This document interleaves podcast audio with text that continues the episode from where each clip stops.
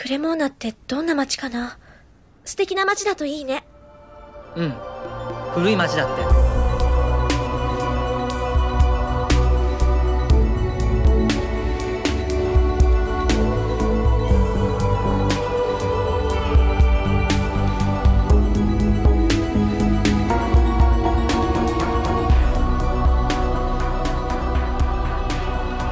Hjärtligt välkomna ska ni vara till den 110 episoden av Skämshögen, en podcast om ouppklarade affärer inom spel, film och tv-serier. Det här är inte vilket avsnitt som helst, utan det blir en kombination av årets julavsnitt, ledighetsrelaterade spel och dessutom Skämshögens femårsjubileum. Amanda heter jag och vid min sida är precis som vanligt Jimmy Seppelesten. Hejsan. Hur känns det att ha varit med från nästan början? Jo, men det känns ganska roligt. Jag hade inte tänkt att, ehm, att jag skulle vara med så mycket. Alltså, för jag- vet att när det blev snack om att vi pratade liksom om, du var med i Spelsnack till exempel, eh, och jag ville att du skulle vara med där, du bara, "Ja, men du har två poddar, och sen så vet jag att du hintar lite om att du vill att jag skulle vara liksom med dig på skämshögen. Jag bara, men jag hinner inte med två poddar och sen har jag ändå liksom inte missat något avsnitt, så det är ju lite lustigt. När det begav sig benämnde vi ju det där lite grann som omvänd psykologi. För att från början så var det ju du som försökte få med mig i spelsnack för att jag skulle vikariera för dig under det halvår som du var borta från den podden. Men sedan så nästlade du dig in i skämshögen istället och var återkommande gäst där i ett halvår så att du lyckades vagga in mig i någon form av falsk förhoppning om att du skulle vara med i skämshögen. Och sen lyckades du få med mig i spelsnack istället. Men det har ju nästan blivit som att vi är med i båda podcast, även att du fortfarande kallar dig en återkommande gäst. Ja, jag är bara gäst, ja. Men för protokollets skull så vill jag ju bara säga att jag var inte med i skämshögen för att få in dig i spelsnack. Det är vad du säger nu. Ja, för det, för det stämmer inte. Jag kan se hur du sitter där i din studentlya och har en stor korktavla på väggen där du har satt upp massa rött garn. Ja, precis. Från ett, låt Amanda vara med i spelsnack och sen en streck till, nu är hon med.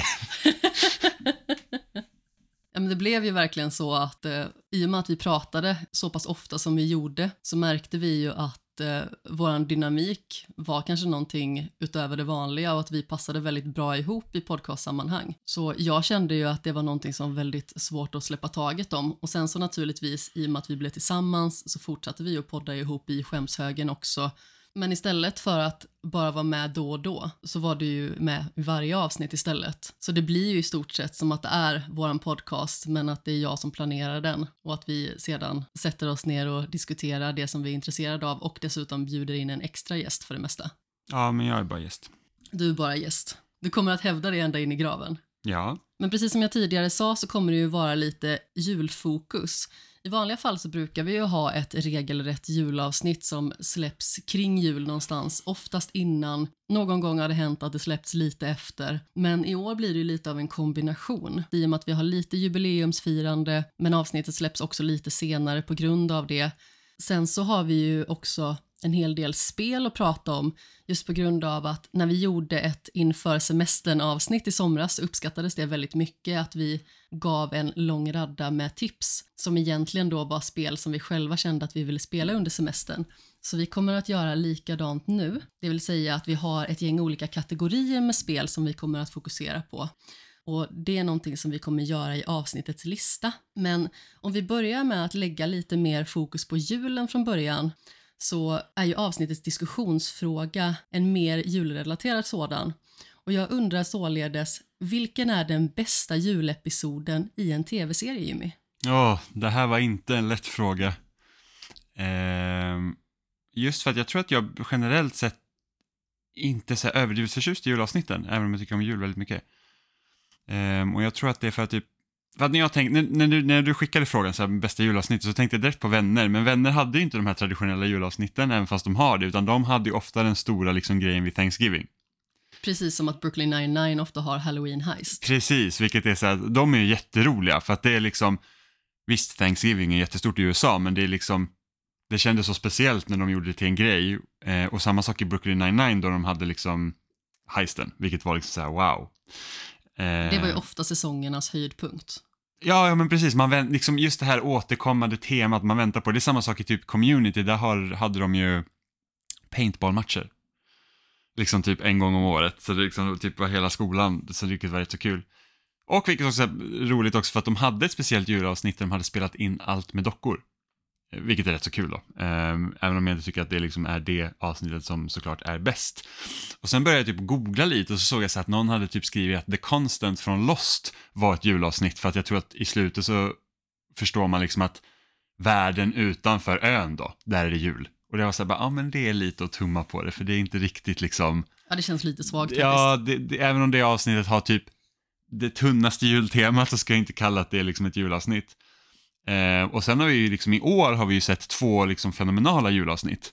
Eh, både i Ted Lasso från säsong två, när de går ut och delar ut paket, och sen så i The Bear, när de firar jul, liksom så ett helt kaosavsnitt liksom. Eh, vilket också är väldigt bra. Eh, och så här, just jag skulle ju kunna välja The Bear bara för att det avsnittet var jättebra, men jag känner liksom att det är inte riktigt det är väl inte riktigt något sånt som får en att känna sig på riktigt så här julhumör. Det som är otroligt med det avsnittet, det är ju att det känns som att de har tagit en vanlig familjesituation och sen så har de skruvat upp den till tusen. Där det verkligen blir så otroligt bisarrt att man kan inte göra någonting annat än att sitta på nålar hela avsnittet. För man vet att snart så kommer det explodera. Ja, och det är väl, jag kan tänka mig att det är ganska vanligt i, i för vanliga människor också jul, liksom att det är så att, ah, här är familjen som aldrig samlas egentligen och sen så samlas alla och så är det typ, har man 15 år av gammalt groll som kommer upp till ytan för att någon har råkat dricka lite för mycket alkohol. Och den här besvärliga släktingen som man egentligen inte vill träffa är där och man har inget gemensamt och inget att prata om och det känns som att man bara går runt och retar sig på den personen hela tiden. Ja, ja men precis. Men jag, jag har ändå valt, jag har två avsnitt som är så här typ, det känns lite som så här tradition att man kan liksom titta på för att, ja men det är något som går, ja men typ som man skulle säga, för folk som Kalle Anka till exempel. Alltså folk skulle kunna tänka att det är, det är, liksom, det, är det bästa jul-tv som finns, det är Kalle Anka för att det är en tradition. Är det en rebell anar även den här frågan? Förra avsnittet så hade du tre svar på Ja. ditt enda svar och det här avsnittet har du två svar. Ja, men precis. Det, det får bli lite så. Ehm, så första, första avsnittet då egentligen, det är ju absolut första avsnittet av The Simpsons. Som är ett julavsnitt. Eh, vilket är också så här, det känns som en ganska så här bra klassiker att, att liksom gå tillbaka till och titta på. För typ, för det är där de liksom, de skaffar sin hund första gången och liksom, och det är en ganska så här typ, hur problematiskt det kan vara liksom så här att eh, Homer har inte tillräckligt mycket pengar och man kan inte köpa klappar och det är liksom, och så går han till den här ehm, eh, Greyhound-tävlingen för att spela, spela liksom på, eh, på hundarna, jag tänkte säga hästar men det är inga hästar, hundarna för att liksom försöka få, få, få pengar till att kunna köpa en klapp och så går det åt pipsvängen såklart och så får de med hunden hem och lite sådana där grejer. Så det är liksom, det är väl ganska typiskt en sensmoral i det avsnittet, liksom, att det är inte egentligen presenterna som räknas och lite sånt. Men det, är ganska mysigt att titta på. Eh, och jag gillar ju Simpsons, eller jag gillade Simpsons. Jag har inte sett så mycket Simpsons egentligen med tanke på hur mycket det finns. Eh, men, men det är sånt som man kan slå på. Eh, liksom lite när man vill. Och an, andra avsnittet faktiskt, det här, det här är nog lite otippat, men det är faktiskt Svensson Svensson firar jul. Och så här, Svensson Svensson är ju typ inte så här, det är ju inte kanon liksom att det är så här, wow vilken grej, men det är någonting mysigt med Svensson Svensson och det tänker jag egentligen tillbaka till när man själv var liten för att då när Svensson Svensson gick på 90-talet så var det ofta något som jag och syrran brukade titta på. Ja, det är ju inte peak-tv för egen del. Nej, men det är liksom ändå så här att jag tycker ändå Svensson Svensson är småkul liksom. De, de skämtar ju väldigt mycket liksom med typ så här, ja men här, här är, det är verkligen medelsvensson, det är hus och det är villa och det är vovve liksom. Villa och hus är samma sak. Vad säger man? Volvo, villa, vovve. Så säger man. hus och villa. nej. Så det är liksom, nej men det, det, det, är, det är liksom ganska mysigt att titta på. Alltså det är väl egentligen det man, som jag letar efter om man tänker på ett julavsnitt, det är så att det ska vara ganska mysigt att titta på. Som man ska kunna slå på varje jul. Och det är liksom inte så här att, jag behöver inte ha sett alla avsnitt innan, jag behöver inte kolla på alla avsnitt efter. Utan det är liksom så här att, det här kan jag se. Men det är lite som typ, ehm, som vi har sett också nu flera år i rad. Kvarteret Skatan. Ja, precis. Det är också, du behöver inte ha sett något innan, du behöver inte se något efter, du kan se det avsnittet för sig själv. Jag hade faktiskt tänkt att nämna det lite i förbifarten, precis som att du nämnde The Bear och Ted Lasso. Just för att det är ett otroligt avsnitt som jag dessutom själv har haft som tradition tidigare att se i anslutning till jul. För att det är så knasigt och har så många skojigheter som dessutom lite granna vrider på folks förutfattade meningar. Mm. Och det finns så himla många situationer som man bara ligger och vrider sig på golvet av skratt för. Och när man har sett det x antal gånger, då är det naturligtvis inte lika roligt som när man såg det första gången. Men hela situationen till exempel när Ulf är hos Kristinas familj och ingenting är som man förväntar sig att en jul ska vara. Alla har fes på sig, de äter alltid currygryta på jul. Det ligger en glaskula i currygrytan som förhoppningsvis någon ska hitta. De går runt och gör en juldans där de håller en form av benprotes tror jag att det är. Mm. Och naturligtvis så finns det ju lite mer klassiska segment där det mer handlar om hur det till exempel är att vara julfirande i ett sällskap där man själv är barnlös, eller hur det är när man firar jul med ens partners familj och inte känner sig riktigt accepterad och försöker göra allting för att bli älskad men allting går ändå snett. Så som det är för Johan Glans till exempel när han ska vara jultomte, är lite för onykter, slår sönder en glasruta, biter av huvudet på Jesusbarnet. Han har fått låna ett par omöjliga glasögon så att han kan inte läsa julklappsrimmen. Så istället för köket så säger han könet till exempel. Och det låter ju väldigt buskis när jag berättar om det, men i sammanhanget är det otroligt roligt. Och Johan Glans gör ju det med bravur, naturligtvis som vanligt. Mm, Jag tror jul också är en sån grej att det kommer alltid vara folk som blir liksom ingifta liksom i andras julfirande. Eftersom man ofta firar det med familjen. Men också så här familjejulfirande är så knutet liksom till den kultur som skapas inom en familj. Vilket gör att det är det som gör att de här spänningarna händer. Och nu är det så att vi firar inte speciellt stor liksom familj. Liksom, vi, vi har ju firat tillsammans med mina föräldrar och vi det är liksom vi fyra. Så att det är liksom inget så här, det är inte hela tjocka släkten som ska fira jul, så då, då liksom blir det inte på samma sätt. Eller även för min familj liksom när det är, för att vi firade ofta liksom vi i familjen och sen var det typ mormor som kom dit. Liksom. Det var inte den här stora, men sen har man ju ibland varit på när typ min moster haft, de har ju alltid så här julfrukost och då är det hur mycket liksom folk som helst och hon har liksom tre barn och de har familjer och liksom så ska alla komma dit och det är alltid tjafs. Alltså alltid tjafs och vi, vi firar inte så ofta med dem, men det, det är liksom så, det är en sån typisk grej det här liksom att du kommer in utifrån, även om de var del av vår familj så blir vi ändå utifrån för att vi umgicks ju inte så mycket liksom, men ah, så att det, det, julfirande är väldigt konstigt på det sättet.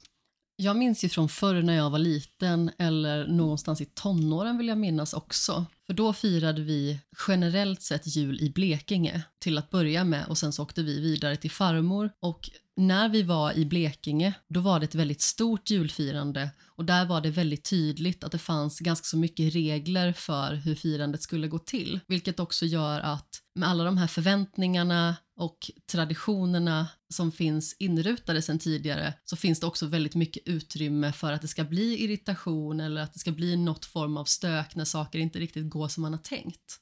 Men jag tror att det var någonstans i min sena tonår där vi började mer och mer fira på egen hand på julafton. Det vill säga att vi var den absolut närmaste familjen. Det var jag och min mamma och pappa. Farmor dök ofta upp när hon eh, fortfarande var så pass mycket vid medvetande så att man kunde ha liksom en konversation med henne. Nu sedan några år tillbaka så sitter hon ju på hem och kan tyvärr inte vara med. Men eh, farmor har ju varit väldigt mycket med oss under årens gång i och med att hon förlorade farfar ganska så tidigt.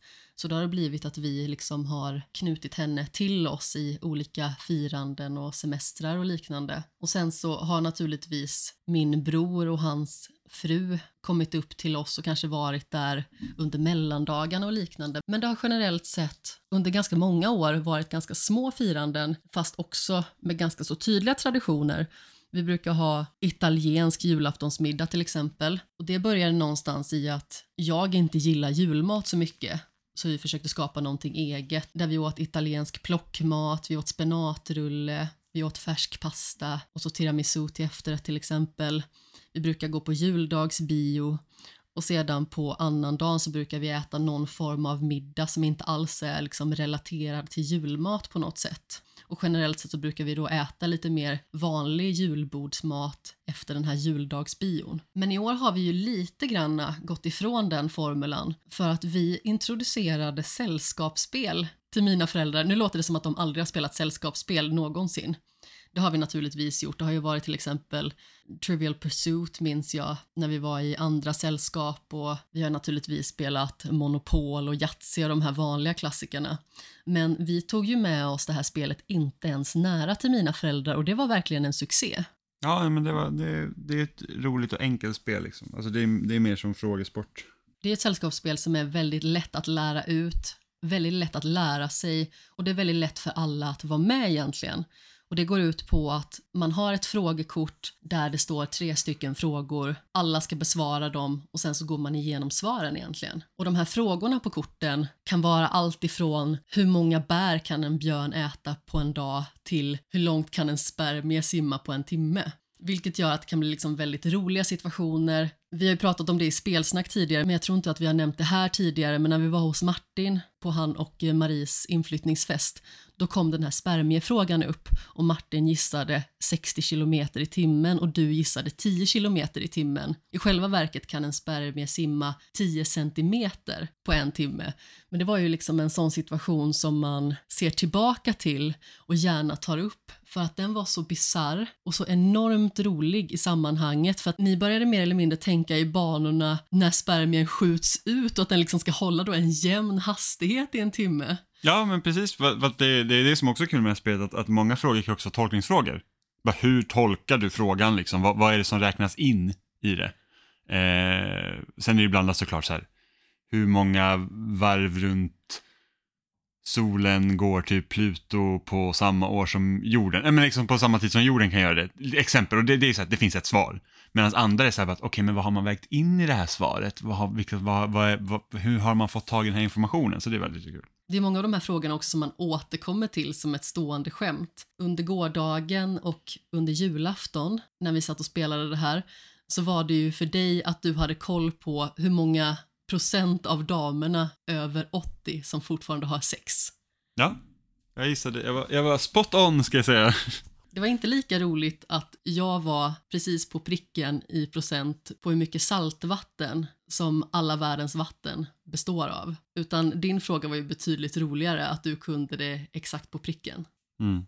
Men som sagt, det uppstår väldigt knasiga situationer i och med det här spelet för att frågorna är så varierade och ibland så är de så himla orimliga. Så i vissa fall kan man liksom inte ens räkna på det utan man får dra till med väldigt grovhuggna gissningar, vilket också kan skapa helt otroliga situationer. Jag tror en, en rolig fråga igår det var ju det att vi hade den här att Norges kust är lika lång som halva jorden. Och liksom sättet de skrev det på får en verkligen bara, men det är ju helt sinnessjukt för att Norge är inte så stort. Och liksom så att, då, då blir man ju redan fast vid den punkten så att hur är det ens möjligt? Och i, när du egentligen istället skulle kunna tänka, okej okay, men hur stor är jorden och delar på två? Även om det också såklart är en stor siffra, men det är liksom frågan var inte heller så att jorden, hur lång är liksom halva jorden, utan det är typ hur lång är Norges kust? Och då blir man bara så här, men alltså, Norges kust kan inte vara så lång. Så att det, ja, det var kul. Man blir ju lite grann den här giffen där man bara ser massa siffror i en lång ekvation framför sig och kommer liksom inte fram till svaret. Mm. Man är egentligen bara ett stort frågetecken. Ja, ja men verkligen. Jag tror är typ när det handlar också om pengar och sådana där grejer kan också vara svårt för att det för att då han, alltså, du behöver inte vara prick på utan det är ju alltså den som kommer närmst det rätta svaret som vinner. Och då är det också så här typ att om någon gissar på någon miljard och någon gissar på miljoner, då är det så här att en miljard är så sjukt mycket så att den personen rimligtvis borde vara liksom längst bort om, om svaret inte är så stort. Eh, så ja, men det är ett roligt spel. Ja, jag tror att både du och jag rekommenderar det varmt. Inte ens nära heter det alltså. Och precis som namnet eh, antyder så handlar det om att vara just närmast. Och då är det den som får mest poäng och eh, tvåan får då näst mest poäng helt enkelt. Mm. Och då kan man ju lite grann köra som man själv vill i antal varv som man kör till exempel. Men jag tror att det här spelet är väldigt populärt i många sammanhang. Jag hade ju med det på jobbet för att jag blev av någon anledning lite julmysfixare på mitt jobb den sista dagen som de flesta av oss jobbade innan det var julledighet. Och då hade jag dels bakat tre stycken sorters kakor. Så jag hade bakat chokladkola med cornflakes, jag hade bakat kardemumma och kanelrutor och jag hade dessutom bakat pepparkakscookies, även kallat chonky boys av dig. Mm. För att när jag gjorde dem första gångerna så blev de otroligt stora och sen så är de ganska så knubbiga också för att det finns en kärna av smält vit choklad. Men då i alla fall så hade vi bland annat med Inte ens nära som en extra lek där vi istället då körde lag så att lagen kunde få resonera kring de här frågorna. Och då var det en fråga om hur fort Usain Bolt sprang till exempel i ett vinnande lopp. Och där var det någon som skrev, jag tror att det var 16 000 kilometer i timmen. Och då sneglade jag på deras papper och sa, jag tror att ni kanske behöver ta bort några nollor. För att det var verkligen helt bortom alla rimliga gränser. Men sen när de räknade på det så var det laget det som var närmst. Hur? De gjorde den faktiskt rimliga kalkyleringen på hans hastighet. Ja, men jag tänkte 16 000 kilometer, det är ju helt vansinnes. Jag vet inte hur de kom fram till den från första början. Men Nej, det att- var de som var närmst Ja, sen när ja, de faktiskt men- räknade okej. på det Ja, på för jag tänkte riktigt. 16 000 kilometer. Alltså, nu minns inte jag hur snabbt ljusets hastighet är, men det är liksom snabbt. Så, Ja, men likt 60 kilometer i timmen med den här stackars spermien som får åka med liksom svansskydd och hjälm så var ju det här också ett helt orimligt svar på alla möjliga vis. Men det är ju sånt som kan komma upp. Men sen så hade vi också en julquiz där min chef lite grann hintade om att jag kanske skulle få löneavdrag för att han tyckte att den var lite för svår. Och jag hade ändå testat den lite grann på dig innan och tyckte att det var relativt rimliga frågor. Men jag inser också att den kanske inte var det lättaste. Men samtidigt hade det varit väldigt tråkigt om frågorna hade varit för lätta. Så att det hade varit jättemånga till exempel som hade haft så här 10, 11, 12 rätt. Där 12 då var max. Ja, jag bara kollar ljusets hastighet nu för att jag var nyfiken. Ljusets hastighet är 300 000 kilometer i sekunden. Det är snabbt. Det är snabbt. Men du var ju också lite lekledare på ditt julmys på jobbet. Ja, precis. Vi hade...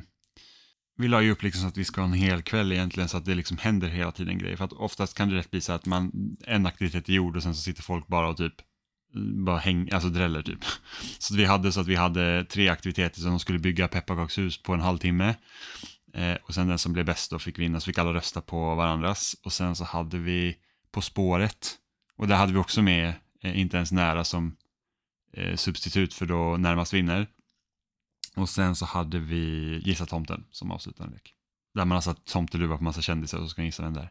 Det är lite roligt att vi blir lite form av eh, fixare i sådana sammanhang. Men det är väldigt kul att vara fixaren också. Ja, Jag blev ju påtvingad så att det var inte sj- självvalt. Jaha, Ja, nej, nej, utan det var så här typ att det var någon som fick uppdraget och så gick den personen till en annan och frågade och den personen bara, nej men Jimmy kan nog vara med. Och jag var så här, fuck nu kan jag inte säga nej. så att, eh, ja men det, samtidigt var det väldigt kul att, att du var var med och planera också. Men det var lite så här att, jag vet inte om jag har tid egentligen.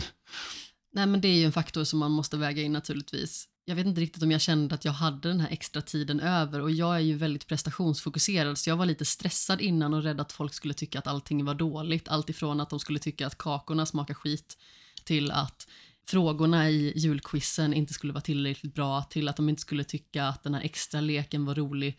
Jag blir ju väldigt stressad i sådana situationer men samtidigt så är det någonting i mig som tycker att det är väldigt kul att fixa med den här typen av mindre tillställning för att det känns så belönande efteråt när folk faktiskt har haft roligt. När Mm. folk har trivts. Det är ju lite samma sak som varför man tycker att det är kul att göra podd. Att det faktiskt finns folk som lyssnar, att folk trivs med det man gör och att folk uppskattar det man gör. Och det är kanske inte det främsta man bör fokusera på i den här typen av sammanhang, men det är ju svårt att inte göra det, i synnerhet om man är en person som ständigt har liksom fokuserat i sitt liv på att prestera. Men folk var i alla fall väldigt nöjda med det här julmyset. Det var till och med en person som frågade om de skulle swisha mig för fikan jag hade bakat. Och då kände jag bara så här att nej, det behöver ni ju absolut inte göra. Jag gjorde ju liksom det här på helt eget bevåg och jag är liksom bara nöjd om folk faktiskt är glada och känner att de har haft en trivsam stund ihop. Mm. Det är liksom inte så jättemånga sådana stunder som man kanske får med sina kollegor där man bara får ha roligt och mysigt tillsammans. Nej, precis. Utan det blir ju kanske mer jobbrelaterade frågor eller även om man sitter och diskuterar på lunchen så kanske det är jobbet som kommer upp och får liksom spela huvudrollen. Så jag tycker att det är väldigt belönande att göra sådana saker. Och jag tycker också att det var väldigt belönande att vi tog med det här spelet på julafton och att det blev en sån succé. Så när mina föräldrar kommer hit ikväll, vilket också är en liten brytning av vår tradition, att de ska komma hit och äta istället, så kommer vi att spela När då då, som också är ett fantastiskt roligt sällskapsspel. Mm. Vi gillar ju god frågesport i den här familjen. Ja, okej, okej, rent generellt sett så tycker jag frågesport tycker inte alltid är jätteroligt. Ehm, även om vi har hittat varianter av det som är kul.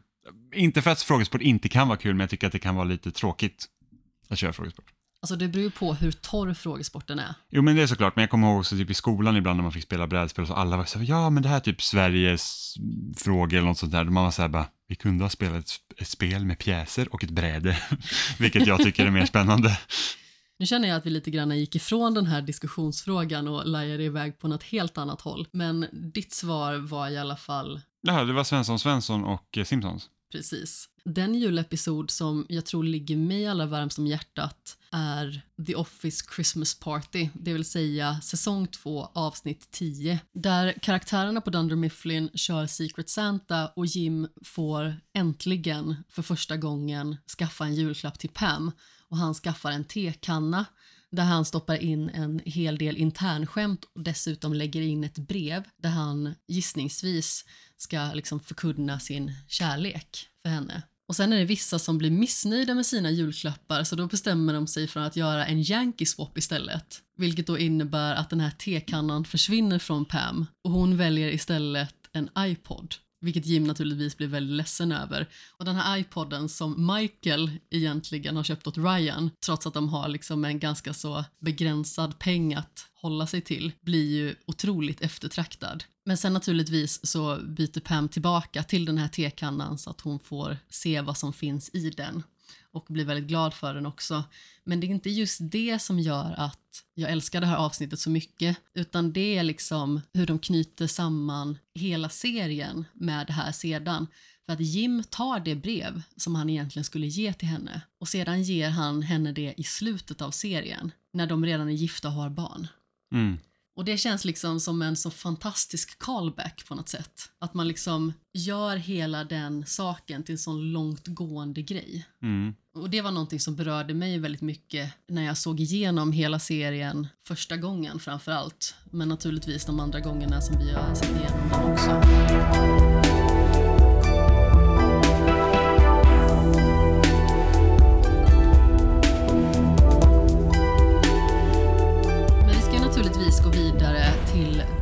Ämnen. För vi har ju faktiskt några sådana, både julrelaterade och inte. Och jag tänker framförallt fråga dig Jimmy om Attack on Titan.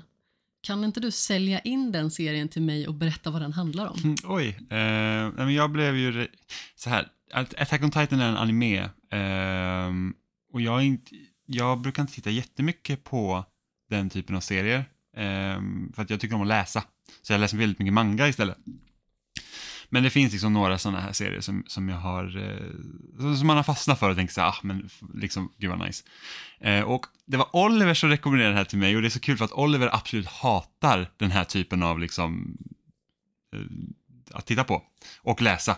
Jag har försökt liksom rekommendera jättemånga gånger till honom att han ska titta på Full Metal Alchemist Brotherhood för jag tycker, tror att han skulle tycka om det och, han, och så ser han typ huvudkaraktären första gången blir mer eller mer ritad som en streckgubbe och då är han så här bara I'm out. Och man bara, det är ju det som är kul med typ sådana här grejer, det är att de kan liksom blanda så här jätte så här, ja men realistiska inom situationstecken men så här väldigt snyggt ritad liksom serie till att helt enkelt blå så här väldigt primitivt. Det är det som är kul. Eh, men han rekommenderade Attack on Titan till mig för att han hade sett någon så här YouTube-video de hade typ gått igenom någon så här stridssekvens, hur de har animerat den och varför det typ är jätteimponerande. Och då blir han liksom så här, åh men det där borde jag se. Ehm, och han sa att han trodde att jag skulle gilla den. Och sen vet jag att jag fick ett infall i, i höstas där jag hade, fick typ så här tre månader av Crunchyroll gratis via Xbox. Så jag bara, ja men jag kan väl börja titta på Attack on Titan då och, och liksom blev fast då. Ehm, och Attack on Titan handlar ju om, så det, det, det är typ, mänskligheten har liksom nästan reducerats till att bo på liksom ett inhägnat område kan man väl säga, det är liksom i olika grader. Så du har så här stora liksom murar som liksom sträcker sig runt omkring och så finns det liksom olika eh, klassamhällen i det här. Så liksom i mitten så är det typ, där bor typ kungen som liksom bor innanför en mur och sen så kommer nästa liksom skikt och så skikt efter det.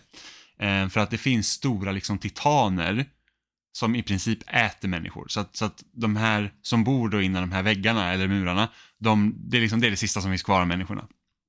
Eller vad, vad de vet då. Ehm, och så har de liksom eh, typ tränade militärer egentligen som, som kan liksom försöka döda titanerna då, för att titanerna har liksom en typ av ehm, svaghet som ligger precis i nacken då, så de har typ sådana här stora ja men de använder typ något så här system som det skjuter ut sig linor liksom från så de åker, uh, swishar runt i. Så det är ganska häftigt eh, bara liksom att titta på liksom när de, när de typ slåss. Um, och då, då börjar serien med att, ja men det är väl egentligen eh, första liksom graden av mur då blir bräckad. Eh, och huvudpersonen är ändå, hans mamma blir uppäten och de liksom måste fly därifrån. Och det är liksom så det börjar och han, han vill typ också bli en av de här eh, Field Corps tror jag de heter. Eh, ja men en, en del av militären helt enkelt och, och döda titaner liksom, det är det han vill. Och sen, liksom några avsnitt in i första säsongen så visar det sig att Eren kan bli en titan. Liksom vilket bara såhär, what? Um, och det känns ganska så här, typiskt för, för en shonen-serie, det här med att du har liksom huvudpersonen som har typ extraordinära krafter liksom och sen så är den här personen som kommer typ rädda eh, dagen hela tiden. Och det är typ det jag tycker är tråkigast i, i, en, i den här genren är ju det att det slutar alltid med att det är en person som måste rädda alla typ One Piece, det är så att okej, okay, alla karaktärer slåss hela tiden men det är alltid huvudkaraktären som måste komma in och rädda dem i slutet. Det är liksom han som är den starkaste. Eller typ Dragon Ball, alla lyckas hålla stången men de väntar fortfarande på typ att Son Goku ska komma och rädda dagen för att det är han som måste ta sista smällen. Och jag trodde att Attack on Titan skulle vara på samma sätt. Jag bara okej, okay, men nu kommer han vara en Titan och då ska han lära sig använda den förmågan och sen kommer det vara så här att det kommer vara jättesvårt och jobbigt för alla och sen så kommer han alltid behöva rädda liksom dagen. Och det är inte så. Utan huvudpersonen i Attack on Titan är ganska dålig. Och det är sällan liksom han får vara liksom hjälten så att säga. Eh, utan det är liksom en, det är väl som man säger en group effort. Och, det, det, och Attack on Titan är inte lik shonen-serier överlag heller tycker jag. För att det, det handlar liksom inte om att nu har du liksom the big bad. Utan du har den här mysteriet egentligen om hela, hela serien. Det är att veta att okej, okay, men vad är det för värld de bor i? Var kommer titanerna ifrån? Och hur ska de typ kunna lösa det problemet? Och det som är så fantastiskt med den här serien är att det har väldigt många helvändningar som man liksom inte riktigt ser komma och du kan liksom ha grejer som visas väldigt tidigt i serien som först liksom som du får lära dig om det liksom när det händer och sen så säger okej okay, men det här är liksom läget nu, det här är vad vi vet. Och sen typ två säsonger senare, den lilla informationen som du fick tidigare, den liksom har sagt oj, nu har vi fått den här extra informationen om den här händelsen, vilket ändrar allt. Men det får liksom inte den tidigare informationen du hade att kännas liksom ogiltig. Eh, vilket gör att man liksom sitter som på nålar genom hela serien. Det är så bara wow, liksom att, att bara den här lilla, lilla grejen som jag trodde var helt oviktig visade sig att det här ändrar liksom allt. Eh, vilket är så att för någon som växte upp med Lost till exempel så är det jättekul, liksom den typen av mysterium. Eh, och just att det här, det finns ju väldigt roliga liksom stridssekvenser i den här serien också, men jag tycker ändå inte att det är där som kärnan ligger, utan det är faktiskt att det är nästan som en mer en dramaserie. Liksom, hur hanterar människorna den verklighet de, de eh, lever i? Hur, alltså hur lever man egentligen när man liksom lever i en värld som, där du konstant liksom i princip kan dö? Liksom minsta lilla misstag. Och speciellt när det blir så att när det visar sig att Aaron då är Titan så kommer det också fram att det är flera andra personer som också bor här som också kan bli Titans. Och de kommer inte egentligen ursprungligen från inuti murarna. Vilket blir också så här att vart kommer de ifrån? Vad betyder det liksom? Eh, och, och då börjar det också luckras upp så här att vad är titanerna egentligen? Liksom, vad är syftet med dem och vad är det som ligger bakom? Så att det, det, den är väldigt, väldigt spännande och väldigt välgjord. Um, så att, så att den liksom klättrar sig ganska mycket i toppen liksom av, av, av animeserier som jag sett. Och jag tycker den är väldigt lik Full Metal Alchemist Brotherhood, liksom lite i ton och sånt. Även om den här är betydligt mer brutalare, jag tror det är därför också Oliver gillar den, för att den är inte den har inte samma det här flamsiga grejen som ofta den här typen av anime kan ha. Utan den är, den är rå och typ när man kommer då för jag såg ju klart den typ förra veckan. Och så kom man till sista avsnittet. Eller de två sista avsnitten som var ganska långa. Och liksom hur de avsnitten började, det är verkligen så att, att det är så hemskt. Det är så rått. Och, och man var så här, jag kan liksom inte riktigt tro att de har gjort det så brutalt som de har. Då handlar det inte bara liksom att åh, här är det massa blod, utan det är bara så att här är fan lidande. Eh, vilket jag tycker ändå är så att det finns ju alltid liksom svårigheter och sånt i, i animeserier och sånt, men det här var liksom, det här var liksom en annan nivå mot vad jag sett tidigare. Ehm, så den, den, är, den är väldigt, väldigt bra. Jag råkade ju se avslutningen på det första avsnittet där det är en stor titan som biter av en människa i stort sett på mitten. Ja, men det var, det var huvudpersonens mamma. Och det var ju riktigt vidrigt. Då kände jag bara att det här kommer jag nog inte se på. Ja, och det är just det som här titanerna ser ju så äckliga ut också, för att de är, de har ju liksom, alltså, inte, inte huvudpersonen som titan och de andra personerna som kunde förvandlas till titaner, utan liksom, De, De- har mer realistiska drag, vilket gör dem väldigt obehagliga. ja, de, de faktiska titanerna, för att de ser ut som jättestora människor, och de är helt nakna, och de går typ med så här, de springer konstigt, och de typ bara rusar fram, alltså det är, det är nästan lite som om de skulle spela quop De har- bra. De har ett väldigt konstigt stirr i blicken också. Ja, precis. Liksom helt typ död blick nästan. Och, och liksom, eller en typ en målmedvetenhet, för att, eftersom vi vill äta människor då. Och sen alltid typ leende. Så det ser ju väldigt obehagligt ut och eftersom de inte då visar någon form av liksom högre intelligens, det vill säga att du kan inte prata med den här liksom personen. Varelsen. Ja, var, du kan inte prata, du, det finns ingen kontakt du kan få av den. Så då liksom blir det också så här att det, det blir så obehagligt också när man ser och typ, och speciellt när liksom, när de har liksom det här superfokuset på att de ska liksom äta och döda människor och liksom när man då ser i vissa strider när de försöker ta ner massa titans och de liksom får syn på en människa och då är det liksom så här bara zoomar in och bara direkt dit. Eh, så att den, ja, den, den, är, den, det är väldigt, det blir hemskt. Eh, men den är väldigt spännande och det känns ovanligt för en, en, en serie som den här som inte har riktigt några filleravsnitt. Utan det är liksom så att varje avsnitt driver händelserna framåt. Det är liksom inget så här att okej, men nu kör vi lite det här så att nu har vi två avsnitt här som inte egentligen de här hade kunnat skippa. Jag vet att typ Naruto är ju en sån serie tror jag som är ökänd för att ha så många filleravsnitt att det finns till och med guider så att de här avsnitten kan du helt enkelt skippa för att de spelar ingen roll. Um, och sen var det en animeserie jag såg, det här är flera år sedan nu, säkert 15, ja, nästan 20 år sedan, som vi tittade på, som heter Pandora Hearts, eh, där jag inte visste att den serien inte skulle bli klar på den första säsongen, för det kom bara en säsong.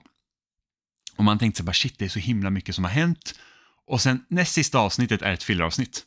Där det typ huvudkaraktärerna sitter typ och super sig fulla och liksom pratar om, jag vet inte vad. Man var så här, ni kommer inte knyta ihop någonting va? Vilket de inte gjorde. We're not gonna make it. Nej, men det var verkligen så här, man bara, but why? Varför nu liksom? Det, förra avsnittet slutade jättespännande och ja, så det, det liksom sådana grejer. Men att jag känner inte att Attack on Titan har de grejerna, utan det är verkligen så att det här är berättelsen vi vill berätta. Och du kommer också få se den, så du kan liksom se alla avsnitt utan problem. Ehm, så nej, jag, väldigt, väldigt bra. Spännande. Jag är ju inte jätteinsatt i den här typen av serie. Jag minns att du och jag försökte börja kolla på Full Metal Alchemist för några år sedan och jag kommer inte ihåg varför vi inte kollade vidare. Jag tror vi såg en säsong. Jag tror vi såg typ de två första, men det är lite olika med... Alltså vissa, vissa säsonger kan vara lite längre och andra kortare liksom. Eh, men vi såg de två första och sen... Du var inte så intresserad, så att det var liksom så här att... Då kollade vi på något annat emellan och sen tog vi inte upp det igen. Hur lång är den? Oj, jag minns faktiskt inte hur många avsnitt den är, men jag tror att det typ, kan det vara typ fem säsonger? Men eh, om man tänker så här, Attack on Titan är 80... 87 avsnitt. Nej, 89 tror jag med de två sista då. Eh, vilket är, alltså det är inte, det är inte jättelångt. Till exempel Pokémon-animen är över tusen avsnitt och One Piece-animen är också skitlång. Ehm, men jag ska kolla här hur lång Brotherhood är. Och det, det är typ en av mina favorit eh, animes. Och sen eh, tycker jag om typ Death Note också, som är, som är betydligt kortare. Ehm, nu får jag bara upp originalet här. Nej men där är den. Eh, 68 avsnitt. Ah, Okej. Så en 20 minuters avsnitt då. Eh, Så det är, inte, det är inte jättelångt. Jag tror originalet var längre, men den, den gjorde de... Den gjordes innan mangan var avslutad. Så att den, eh, den har helt annat slut. Nej, den var bara 51 avsnitt, så att då är Brotherhood längre. Men den tycker jag är helt kanon också. Och den, den har lite samma stil som, som Attack on Titan, även om den inte är lika rå. Ja, vi får se om vi plockar upp den någon gång. Jag har ju istället gått lite grann åt andra hållet. Där du har gått åt det råa hållet så har jag ju gått åt det lite mer julmysiga hållet. För jag har sett en film som heter Happiest Season. Det är ju en julig romantisk komedi om ett homosexuellt par som för första gången ska fira jul ihop. Och inte nog med det, det är första gången familjelösa Abby, spelad av Kirsten Stewart, möter Harpers föräldrar. Harper som då är spelad av Mackenzie Davis. Och en lite besvärande detalj är dock att Harper inte kommit ut som lesbisk än, trots att hon har sagt att hon har gjort det till Abby. Och då hennes familj är typ motsatsen till prestigelös och att anseende värderas högst upp på deras lista så blir liksom situationen oerhört komplicerad, för att uttrycka det milt. Det blir ett eh, väldigt dysfunktionellt läge där de båda i mångt och mycket måste låtsas att de är hetero Mm. och att de bara är vänner och att Abby bara har följt med bara för att inte hon har någon familj att fira med. Och Harper hävdar hela tiden att hon ska berätta för sina föräldrar när julen är över. Men naturligtvis så kommer ju det här fram förr eller senare ändå. Det blir naturligtvis en hel del komplikationer. Det blir besvärliga situationer egentligen kontinuerligt i hela det här firandet. Vilket då naturligtvis genererar till att det blir osämja, det blir trubbel i deras relation och naturligtvis blir det ännu mer trubbel i den här redan ganska så besvärliga familjen Mm. där barnen egentligen hela tiden har tävlat om föräldrarnas beröm och att det har varit en väldigt stor komponent i deras uppväxt. Så det kulminerar egentligen i en berättelse som handlar mycket om hur svårt det kan vara när föräldrar har vissa förväntningar på en att man ska vara på ett visst sätt och att det då liksom blir svårt att ändra på den bilden och eh, går in en hel del på Harpers rädsla då för att inte vara tillräcklig för sina föräldrar för att hon har en sexuell läggning som man potentiellt skulle kunna titta snett på. Mm. Och det är också att hon låser in sig i de förväntningarna också. Liksom så att hon, hon vågar liksom inte ens testa eh, vad ska man säga, gränserna liksom för att, så att hennes föräldrar skulle acceptera utan hon liksom så att hon tror inte att de kommer acceptera. Ehm, så att det är ändå tycker jag att den där filmen gjorde rätt så bra att alltså, belysa att, så här, att det kan vara liksom svårt Alltså att- att alla, alla, sätt att komma ut är olika svårt då, kan man väl säga. Liksom att det, bara för att en homosexuell person har kommit ut så kommer det inte vara likadant för nästa person som kommer ut, utan allt beror ju på deras omständigheter. Um, och det är väl lite det jag känner att filmen försöker förmedla, eftersom då eh, Abby hade ju kommit ut till sina föräldrar. Och liksom det var ganska smärtfritt. Medan Harper känner inte att hon har det liksom. Ehm, så att, ja, jag, jag tyckte det var ganska liksom, fint så. Ja, jag tyckte verkligen att filmen satte fingret på någonting viktigt med det. För att Abby har ju en vän spelad av eh, Dan Levy som berättar sin historia om att när han kom ut för sina föräldrar så blev han utkastad och att hans pappa liksom inte pratade med honom på 13 år. Mm.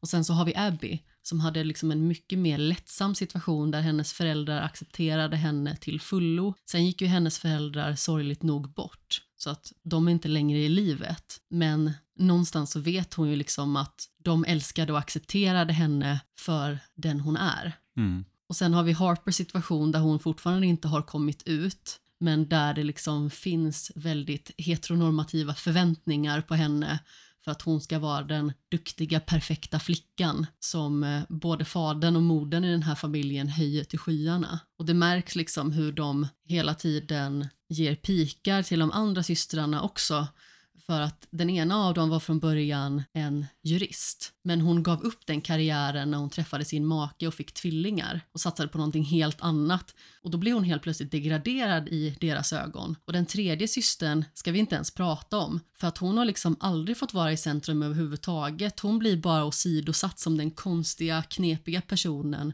som är intresserad av att skriva fantasyromaner och ägna sig åt konstnärligheter. Och i och med att de hela tiden har behandlat henne som någon form av konstig avart så blir hon ju också väldigt mycket en stereotypt konstig person. Mm. Men hon är egentligen också den personen som älskar sig själv mest som hon är. För att hon accepterar den hon är och hon gör liksom inte allting för att vinna sina föräldrars beröm, även att det naturligtvis är önskvärt. Mm. Så att de har ju liksom haft en väldigt knepig uppväxt, alla tre, på ett eller annat vis. Men med lite olika faktorer inkluderade. Men sen så är det ju så att de här föräldrarna, de älskar ju dem ändå. Det är bara det att de har haft orimliga förväntningar på sina barn som barnen haft jättesvårt att leva upp till. Mm, och just att det här har det här med att de har liksom en bild för hur typ den perfekta familjen ska vara och då ska liksom ja, barnen ska också leva upp till det. Liksom. Precis, och alla ska rätta sig i ledet och man får liksom inte sticka ut från den bilden. Nej, precis. Vilket är väldigt sorgligt. Ja, enormt sorgligt. Och det visar ju sig att även frun, som är någon form av besvärlig perfektionist egentligen utåt, också har känt av det här, Mm. vilket kommer fram i slutet. Och sedan så börjar de lite grann jobba på att de ska få det bättre, att det ska vara en mer öppen familj där det liksom inte ska vara prestationen som är i fokus hela tiden utan att de ska värna om varandra. Mm. Så det finns ju liksom fina budskap i den här filmen, men någonstans så blir det lite grann också en tre av fem film. Ja, precis. Alltså det är så att om du frågar mig vad jag tyckte om den här filmen om ett år så kommer jag kanske inte ens komma ihåg att jag sett den. Det är lite åt det hållet. Den, den, den känns väldigt liksom så här, ja, det var en film liksom. Det var en film. Och samtidigt så känner man att man hade velat fördjupa sig lite mer i de ämnena som verkligen är viktiga. Men det känns som att de måste försöka klämma in att mycket mer ska hända under tidens gång. Anledningen till att jag blev lite sugen på att se den, det var ju att det var liksom en hel del kända namn. Det började närma sig jul och jag kände att ja, men det här är kanske någonting som jag kan tänka mig att se på. Mm. Och den var absolut sevärd, men det kanske inte är liksom det bästa jag har sett i år. Men om man är intresserad av att se den så finns den i alla fall på Viaplay. Jag tror att den också går att hyra på Apple TV+. Det är med, precis som jag nämnde tidigare, Kristen Stewart i huvudrollen tillsammans med Mackenzie Davis. Aubrey Plaza är med, Alison Brie är med, Dan Levy är med. Det var ganska stora namn liksom i den filmen för, för något som man liksom inte riktigt har hört någonting om. Men verkligen. Men samtidigt, den kom också ut 2020 tror jag. Så att jag vet inte ens liksom, var den planerad för bio eller var det planerad för en streamingfilm? För att, ja, folk gick ju inte på bio då. Så att det är liksom, Det kan nog ha varit en streamingfilm. absolut. Men om man vill ha någonting som ändå är relativt mysigt och lättsamt att se där det också finns ett djup att ta till sig av och frågor som är viktiga som lyfts så tycker jag absolut att man kan se den. Ja, absolut. Jag har inte direkt någonting mer att tillägga om eh, Happiest Season. Däremot ska vi gå in på avsnittets lista. Och precis som jag nämnde tidigare så kommer vi göra som vi gjorde i somras där vi har fem kategorier som vi kommer att gå igenom och ta ett spel i varje kategori. Och det här gäller ju helt enkelt spel som vi väldigt gärna vill ta oss an under den här jul och nyårsledigheten. Och det känns lite grann som en orättvis lista för att vi vet att vi förmodligen kommer ägna varje ledig sekund åt Baldur's Gate 3. Ja, det, det lär bli mycket Baldur's Gate 3.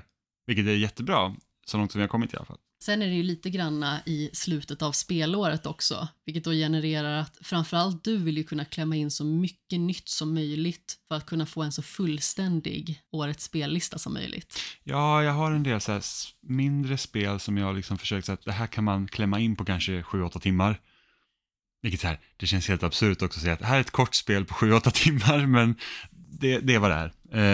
Eh, sen, sen jag har försökt beta av då, liksom spel som jag har haft ögonen på under hösten, eh, men just nu så här, andra, eller ja, egentligen hela december är ju typ enda månaden där det inte kommer liksom de här jättestora spelen. Eh, Jag känner att jag lite grann har gett upp. För att jag har liksom ganska så många spel som jag har känt att jag har varit sugen på att spela, till exempel Chance of Senar, Stray Gods, Cassette Beasts. Och det är spel som jag inte ens har bitit tag i än. Så därför så känner jag lite grann att jag får helt enkelt lägga dem i den ökända högen av skäms. mm. Men för att inleda den här listan så kommer den första kategorin som är ett storbudgetspel, Jimmy. Yes, och, och det här var ju lite spännande för att jag, jag tänkte bara, ah, vad, vad ska jag kunna välja inte för storbudgetspel? Så för att man har ju ofta, eller känner jag, det finns ju ofta spelserier som man inte riktigt har spelat som man alltid känner att det där ska jag någon gång ta tag i. Och jag har varit ganska bra på att beta av de där på senare år. Eh, vilket gör att den listan blir liksom betydligt mindre. Och tänker man liksom tillbaka på liksom bara några år, då tycker jag ändå att jag har hunnit spela liksom de här storbudgetspelen, för det är ofta de man liksom Alltså det blir nästan så att man prioriterar dem när de kommer för att man vet att flest människor spelar dem. Det kan vara bra liksom att, att, att hänga med då, så att man liksom kan prata om det eller liknande. Vilket gör att ofta blir det de mindre spelen som får skjutas undan. Men det finns ju några klassiker som jag inte har spelat och det här, det som jag har valt då är Final Fantasy 9. Ehm, för att det här är liksom, jag, jag gillar RPG av den här typen eh, och det här är liksom det spelet som jag har hört flera stycken säga att det här måste du spela. Vet Martin och Robin, så här, bara Final Fantasy 9 är liksom så här peak Final Fantasy. Det ska ju vara lite grann typ ett kärleksbrev till hela Final Fantasy-serien egentligen.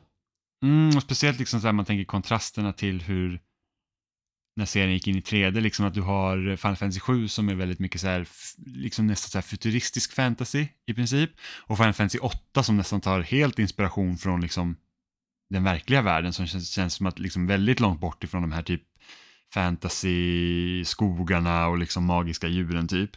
Eh, även om det innehåller ju sånt, men det liksom känns mer som ett Final Fantasy i nutid nästan. Eh, och Final Fantasy 9 var ju liksom helt motsatsen mot det. Det var ju verkligen den här typ så här, nu är det ju en trevlig liten by mitt ute i ingenstans liksom. Eh, så det ser ut i alla fall. Ehm, Det är ett väldigt klassiskt spel med väldigt klassiska teman. Precis, så att det är väl liksom, och jag har ändå betat av flera Final Fantasy-titlar de senaste åren, så att jag, jag, jag klarade sjuan inför remake, och sen spelar jag remake såklart. Sen har jag kört 10 och 12. Ehm, och sen har jag typ spelat Final Fantasy 3 och 6 tidigare, liksom lite. Inte klarat ut dem, men har spelat dem, men nian har jag aldrig rört. Så att det, det blir väl liksom den som jag känner så här att, ja men det hade kunnat vara som ett storbudgetspel då. Uh, om man nu ska tänka så, den gamla definitionen, för jag tänker att Final Fantasy 9s budget idag är ganska liten då om man jämför liksom med de andra storproduktionerna som kommer. Så det har jag valt. Det kan ju tilläggas också, om inte jag nämnde det tidigare, att de här spelen som vi väljer, förutom den sista kategorin, är spel som ligger i skämshögen. Så att vi verkligen knyter an till det temat just i det här avsnittet.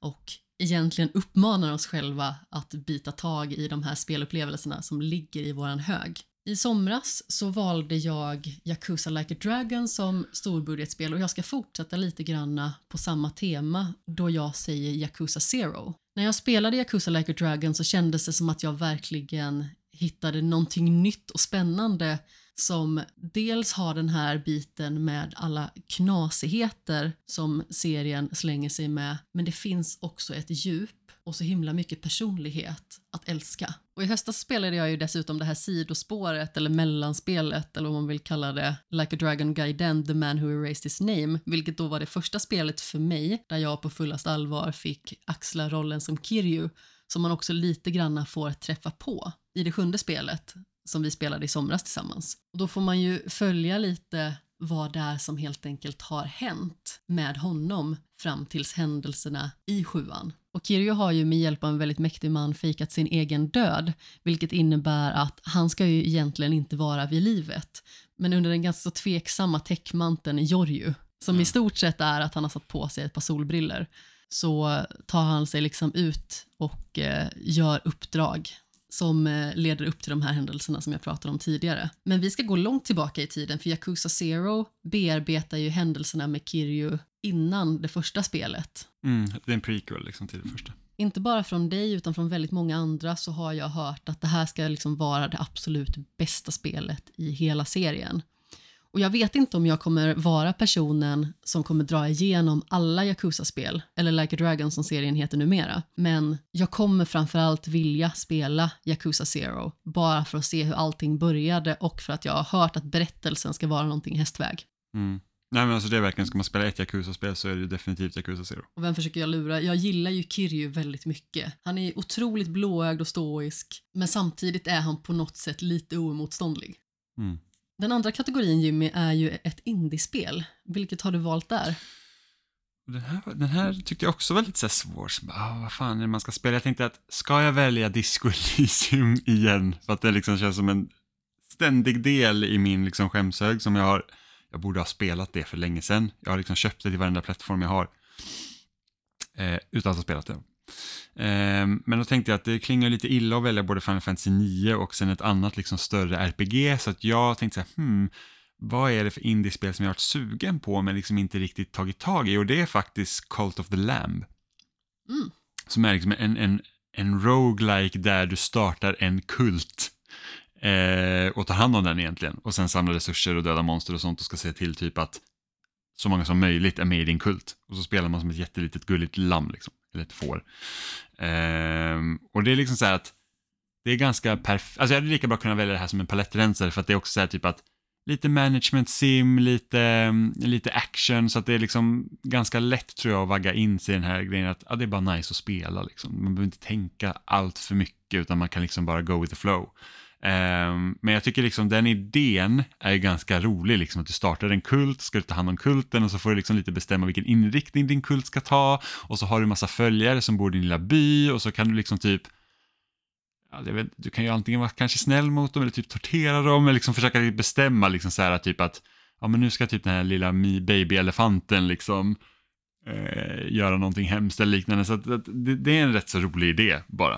Eh, så det var det indiespelet jag valde. Det kom så sent som förra året va? Ja, jag tror att det kom förra året. Ja, precis. Förra sommaren kom det. Jag tror att både du och jag la det på nedladdning va, på Game Pass. Nej, för det finns inte på Game Pass. Fanns det inte på Game Pass? Nej, det har aldrig funnits på Game Pass. Så att eh, tyvärr inte. Då hade jag nog spelat det redan. Vi båda har hyst intresse för det i alla fall. Ja, ja men jag tycker bara att det, det, alltså det är en rolig idé.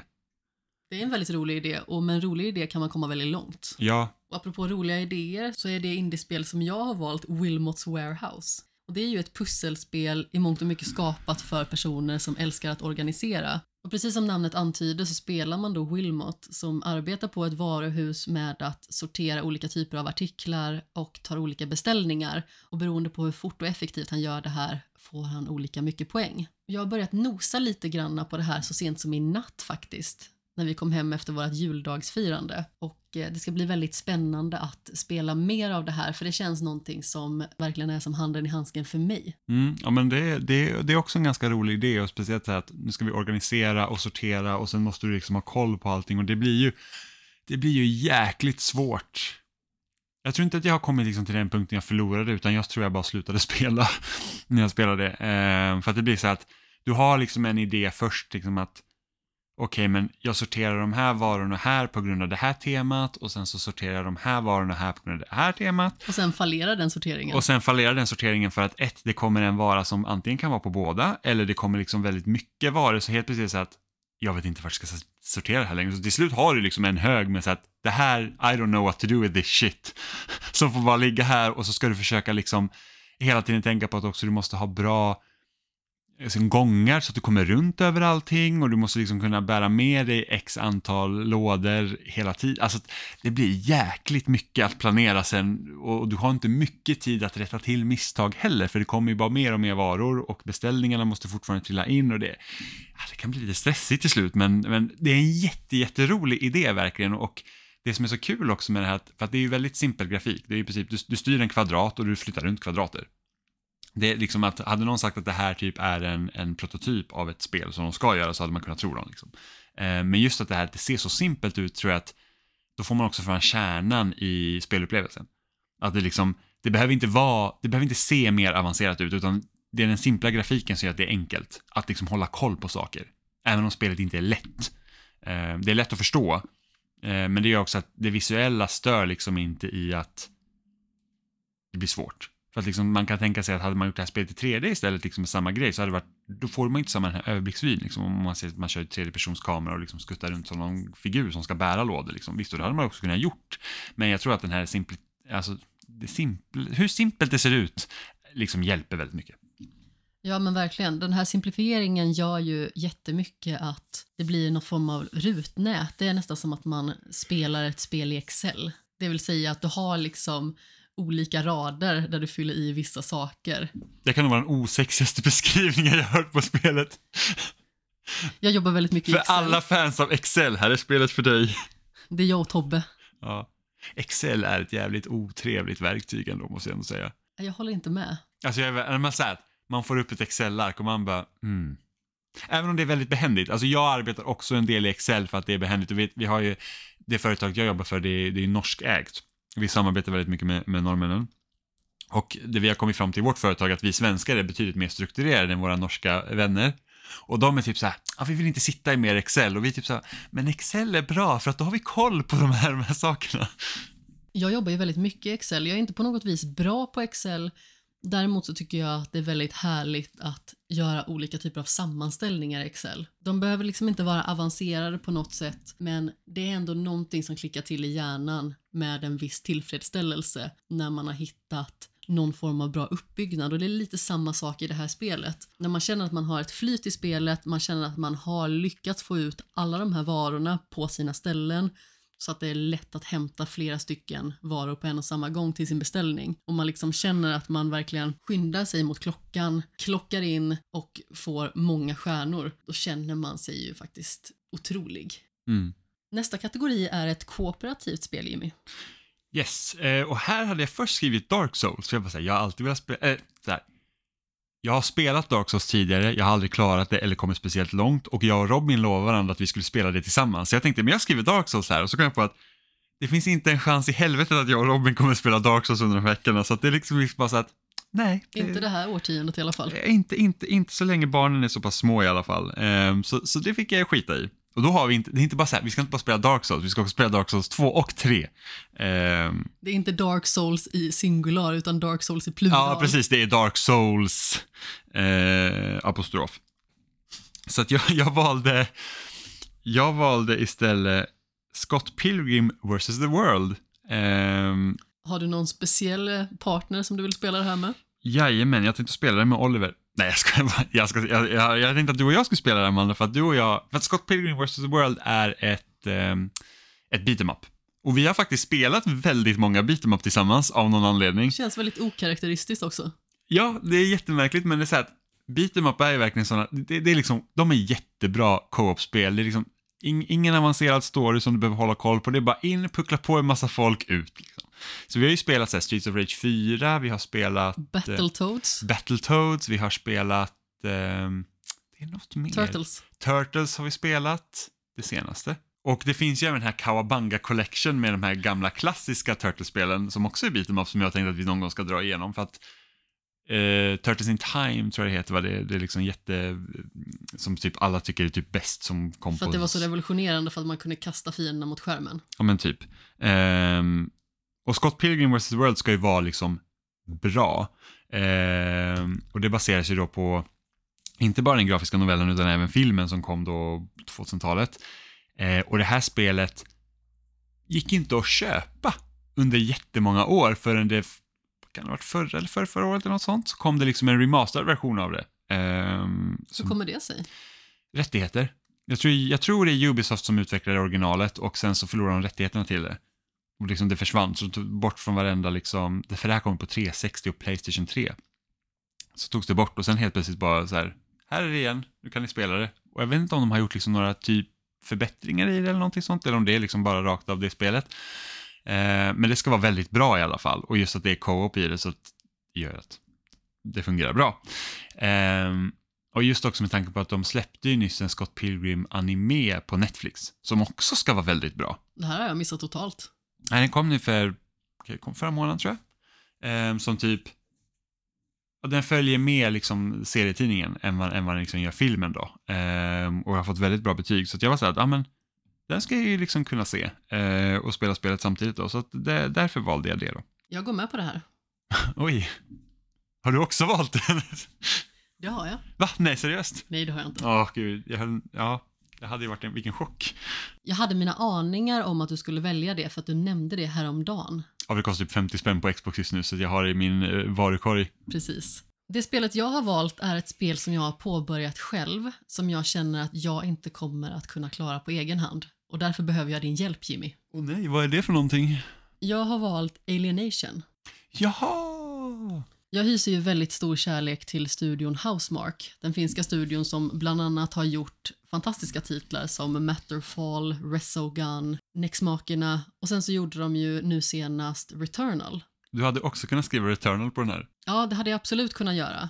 Det är ju ett spel som jag väldigt gärna vill spela, men som jag har varit lite grann rädd för. För att de andra spelupplevelserna känns som att de har varit någorlunda rimliga för mig att ta mig an. För att det är genrer som jag tror att jag klickar bättre med. Men när jag kollar på Returnal och har tafsat lite grann på Returnal så har det känts som ett spel som är väldigt mycket för svårt för mig. Så visst, jag hade absolut kunnat ta det. Men jag tänker att Alienation kan liksom vara bra att börja med så att vi får känna oss fram lite grann i ett annat rymdäventyr signerat Housemark tillsammans. Och precis som jag sa tidigare, jag kom till en punkt där det var för svårt för mig och jag verkligen behövde hjälp egentligen. Och jag känner att jag vill inte ta hjälp av utomstående för att antingen så kan de vara helt värdelösa eller så kan de vara fantastiska men också svin. Mm. Jag, Jag kommer aldrig glömma att när jag spelade mm, Gears of War 2 i multiplayer och det på mobilt bredband så att ett, jag kunde inte söka riktigt matcher själv utan jag behövde alltid hänga på någon annan eh, för att det berodde på nätkoll och sånt så att det var liksom för att nätkoden var så pass dålig i Gears of War 2 så till slut så uteslöt de personer om de inte hade bra, tillräckligt bra nätverk som sökte matcher. Men om du sökte med någon som var party leader som hade ett bra nätverk så kunde du komma in. Så så jag brukar spela. Um, och då hamnade jag i en match en gång där, och jag var inte jättebra för att det var ganska tidigt i min liksom, online-spelskarriär. Och det laggade ganska mycket för mig också, vilket gör också är lite ännu svårare. Och det, går inte, det finns ingen friendly fire i Gears om det inte är eh, typ granater och sånt. Eh, du kan döda dina egna granater men du kan inte döda dina kompanjoner med en granat. Men du kan planta granater i väggarna. Och skjuter någon den granaten så dör du. Även av dina teammates. Så att det, det mitt lag gjorde i början var att de bara, äh, jag är så dålig så att de planterade en granat, eller de såg, först såg de till att jag blev down, så att, liksom att en fiende skjuter mig så att man ligger liksom ner och då väntar man att folk ska plocka upp en.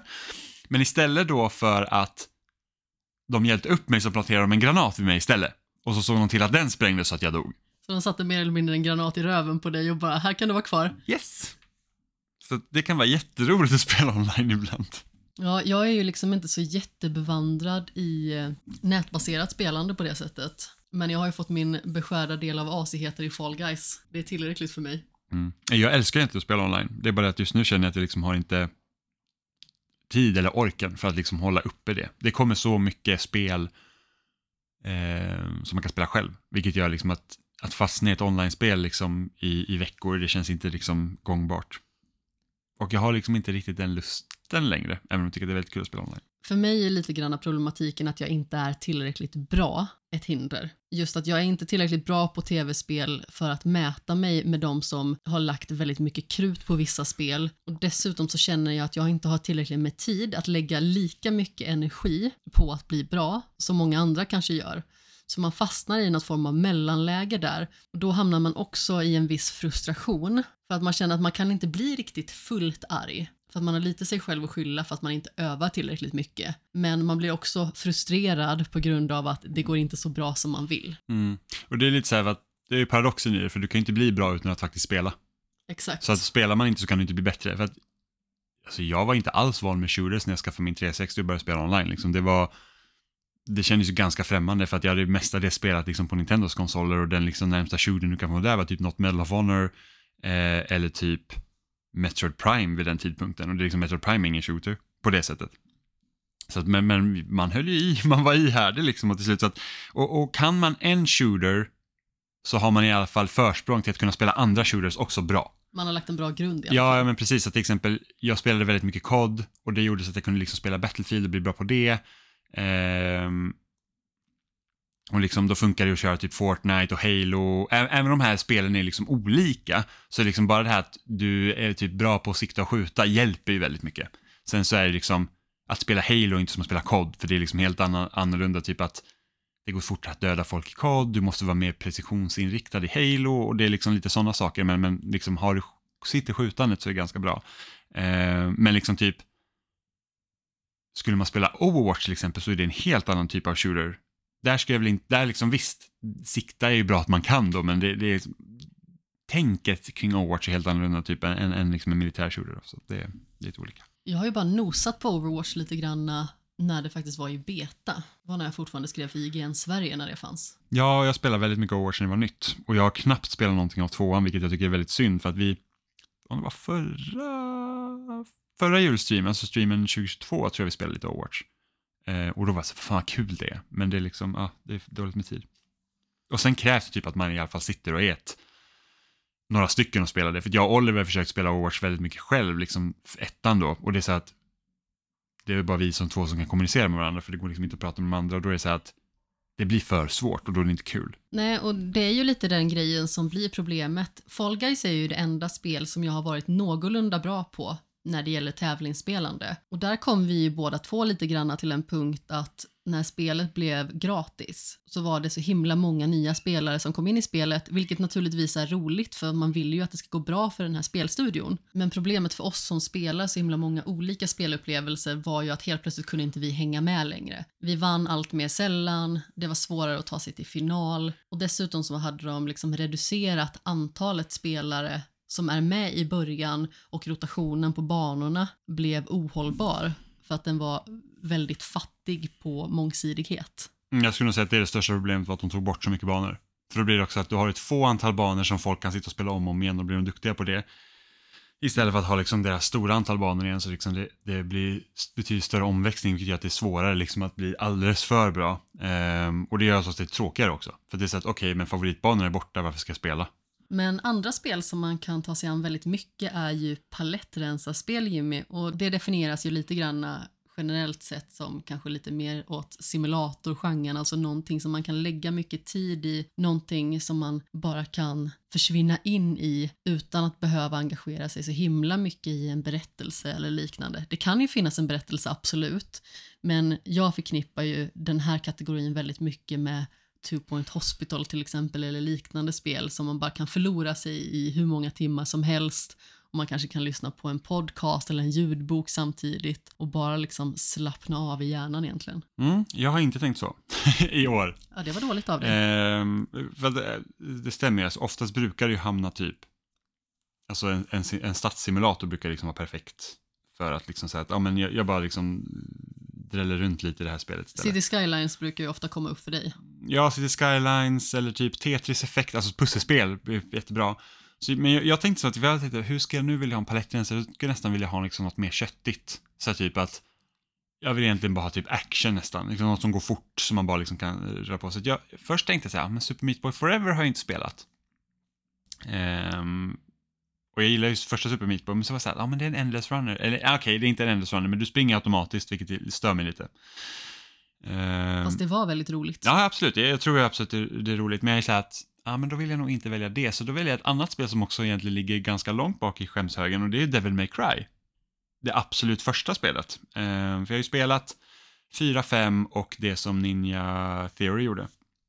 Men jag har inte spelat de första tre. Så då tänkte jag att det är perfekt, för det, det kan verkligen vara skönt att bara säga att men nu ska jag bara in och kötta lite fiender. Och det kan vara en per perfekt palettrensare. In och slafsa bara. Ja, men det är lite så, jag spelar ju DLC till God of War Ragnarök nu, som jag blev klar med igår. Ehm, och det var också så här att de hade gjort typ ett roguelike läge så det fanns ju fortfarande en story där som man kunde liksom hålla koll på, men det var också kul att bara gå in i flera olika rum och bara kötta fiender. Och det är lite så jag tänker med Devil May Cry, att det liksom bara liksom köra massa kombos och döda demoner typ.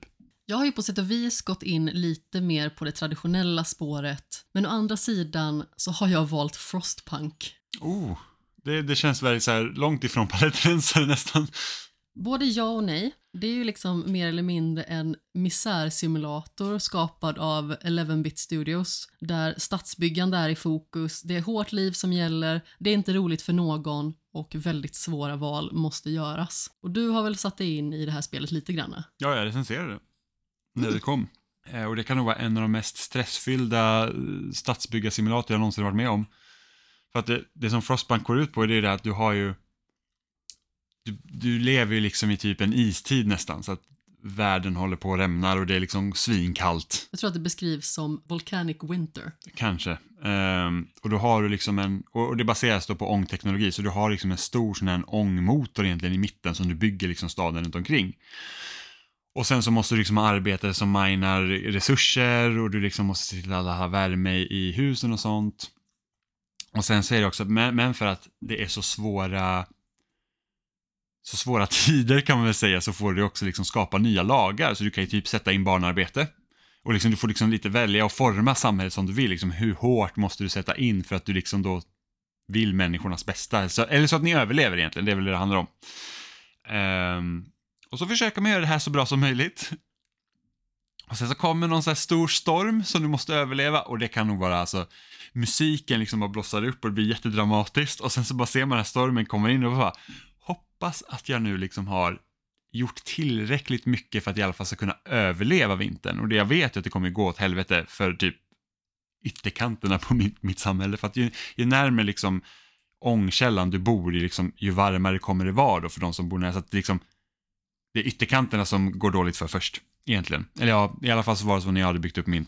Det är de som har det bäst ställt helt enkelt som det går bäst för. Ja, men det, det blir lite så, eh, nästan. Ehm, och, och man ser liksom bara så här att man är typ inne på den här sjunde dagen av storm och man bara så här, det, det liksom bara släcks ner och släcks ner. Så det, är, det egentligen handlar det kanske inte om att du dör, men du blir avsatt som borgmästare om folk inte är tillräckligt nöjda. Så det är hela tiden det, du måste liksom ha tillräckligt mycket resurser, du måste se till att befolkningen liksom är någorlunda glad, eller glad är väl fel ord, att de inte har det allt för, för jävligt. Um, så att, äh, det, det är riktigt svårt. Och så skickar du ut folk på expeditioner och så ska de liksom hitta nya saker. Och så kan det vara så att, ja men ni hittar, en, ni hittar andra människor som är här ute som typ, de behöver hjälp. Och det är så att du behöver ju såklart ha arbetare som kan arbeta för dig för att ni ska klara er. Men liksom fler munnar att föda betyder svårare med resurser. Så att det är liksom, det är, det, är så svårt och du ligger hela tiden på gränsen. Så att, men, men det är ett fantastiskt spel. Jag, jag, jag tycker verkligen om det. Eh, Men, men det är inte lätt. Du och jag gillar ju lite grann att vältra oss i såna här plågsamma upplevelser på något sätt. Ja, ja på sätt och vis. Alltså, jag är inte helt förtjust i liksom det här att du förlorar och så måste börja om på allting. Det tycker jag är jobbigt. Men, eh, men ja.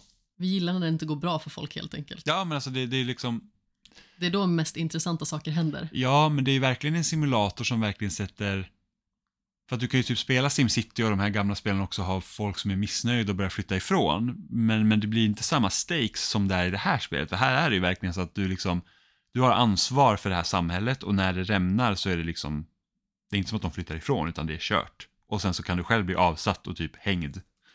Så att det, det och just med också att du formar lagarna och du kan ju välja då om du vill liksom köra hårt mot hårt eller vara lite snällare liksom. Eller ibland kan det vara så att något är nödvändigt och du typ så att jag vill egentligen inte göra det här men jag måste för att kunna klara oss typ en månad till. Eller ett år till eller vad det nu är.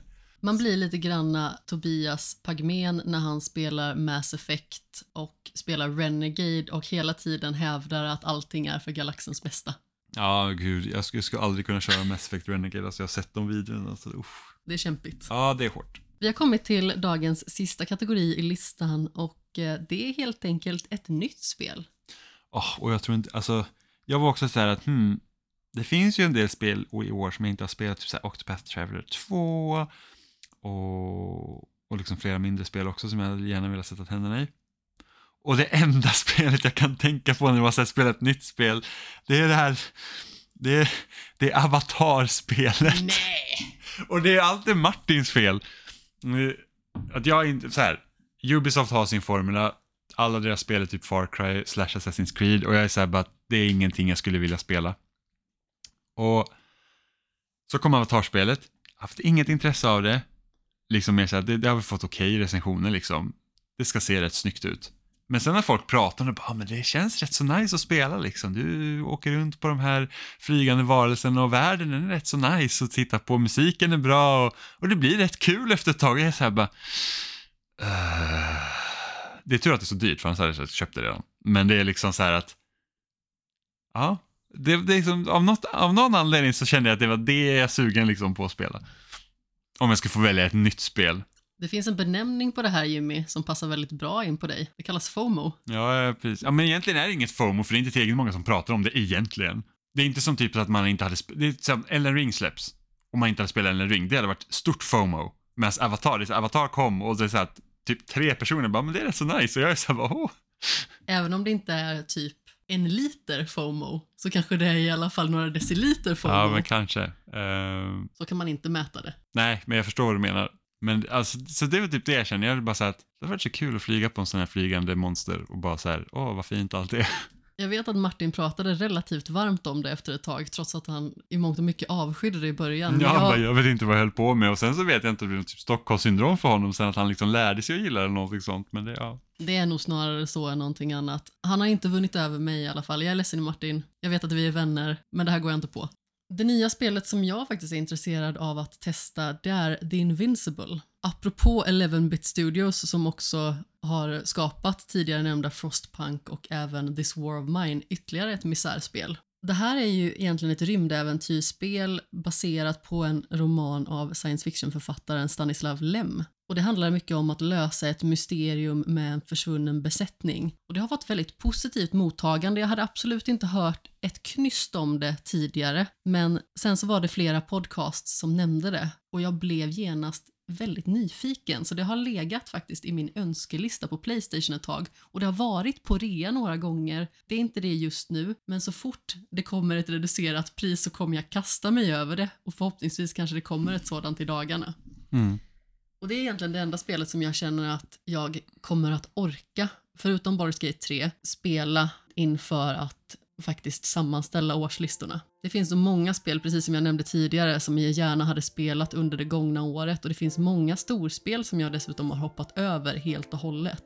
Det har varit ett spelår med ganska så mycket bredd och framförallt så har det varit ganska så mycket kvantitet dessutom. Mm. Många spel som folk har pratat sig varma om och eh, för lite tid helt enkelt. Mm. Som sagt, vi har ju en hel handfull titlar som vi är sugna på att ta oss an under den här ledigheten och kanske åtminstone inom en nära framtid.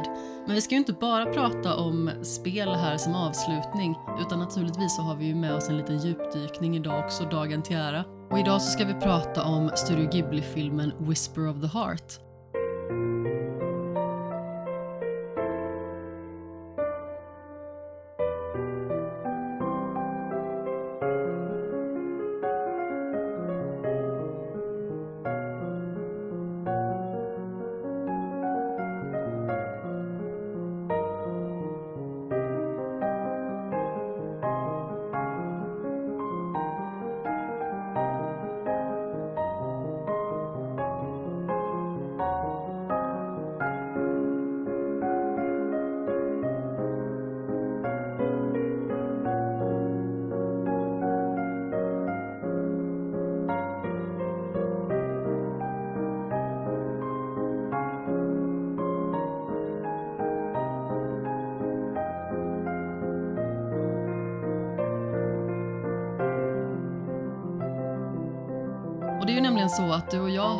tradition jultradition Jimmy. Från första gången vi firade jul tillsammans så bestämde vi att vi skulle se en Studio Ghibli-film varje jul. Och det har vi hållit i ända sedan dess. Så första året så var det Howl's Moving Castle, andra var det Ponyo, tredje var det Porco Rosso, förra året var det From Up On Poppy Hill och i år så var det alltså Whisper of the Heart. Har du hört talas om den här tidigare eller vad hade du för förväntningar på filmen sedan tidigare? Oj, jag hade faktiskt ingen aning om den här filmen överhuvudtaget. För det hör ju liksom inte riktigt till den titlarna som, som man pratar om när man pratar om Studio Ghibli-filmer.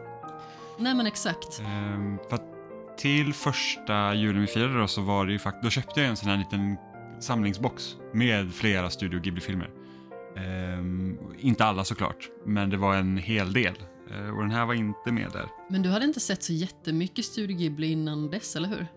Nej, jag har ju sett uh, House Moving Castle, jag hade sett eh, Ehm, eh, My Neighbor Totoro och eh, Spirited Away. Jag har ju sett lite fler titlar än så tidigare, men även jag var ganska så sen att hoppa på det här Studio Ghibli-tåget. Studio Ghibli har ju väldigt många titlar som höjts till skyarna, både av gemene man men också av kritiker naturligtvis och med all rätt naturligtvis. Det finns ju flera filmer som jag håller väldigt högt. Howl's Moving Castle från när vi såg den, Princess Mononoke, Spirited Away. Det är filmer som lämnar ett väldigt starkt avtryck och naturligtvis också Grave of the Firefly som vi förmodligen kommer se förr eller senare, för att den har inte du sett. Nej, precis. Men det är ju en väldigt mörk film som skildrar väldigt hårda tider och som är väldigt svår att släppa taget om på ett tag efter att man har sett den. Det är ingen film man ser många gånger om man säger så. Men det här är ju en film som har lite trevligare teman och som är lite mer glädjefylld, eller hur?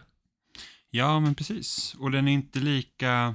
Alltså den är mer rotad liksom i verkligheten än vad många andra Studio Ghibli-filmer är. Precis. Den utspelar sig främst i Tokyo. Kan inte du berätta vad den handlar om, Jimmy? Eh, den är i mångt och mycket en kärlekshistoria då egentligen eh, mellan eh, huvudpersonen som vi får följa, följa mestadels som heter Shizuku. Som, alltså hon älskar att läsa böcker så hon upptäcker en gång att, en dag att alla böcker som hon läser och lånar från biblioteket har ett annat namn i sig också. Alltså nästan varenda en och så blir hon ju såklart varför är det så liksom? Eh, och försöker egentligen hitta den här personen. Det blir som ett litet vardagsmysterium. Ja, ja, men precis. Och sen så tillsammans med hennes kompis då, så liksom undrar vem den här personen kan vara och sådär. Och sen, sen mynnar den här filmen ut i någonting liksom egentligen annat. Det är ju väldigt mycket en sån här coming of age berättelse.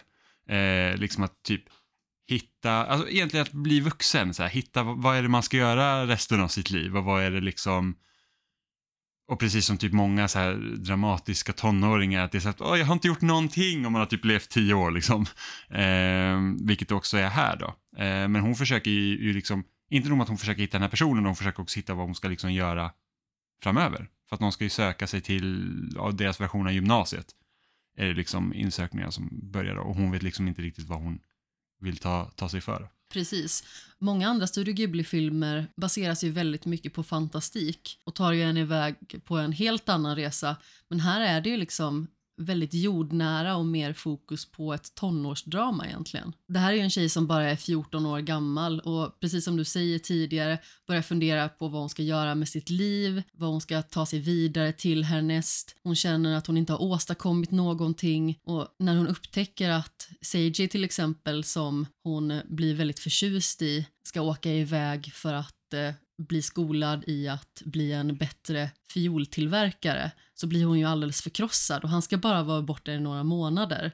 Men när man är så ung då är ju det mer eller mindre en evighet och man har liksom ett helt annat perspektiv på livet när man är så ung. Och man ser liksom inte riktigt hur mycket framtid man har vilandes framför sina fötter egentligen och hur mycket man kan åstadkomma under de åren som kommer. Och man blir faktiskt väldigt påmind i den här filmen om hur dramatiska förändringar är när man är så ung och oerfaren och hur perioder som liksom susar förbi i vuxen ålder känns som en evighet när man faktiskt är så ung. Och sen så väcker ju också filmen en hel del tankar kring hur viktigt det är att våga göra saker också som är läskiga och att ingenting är perfekt och framförallt att ingenting är det på första försöket.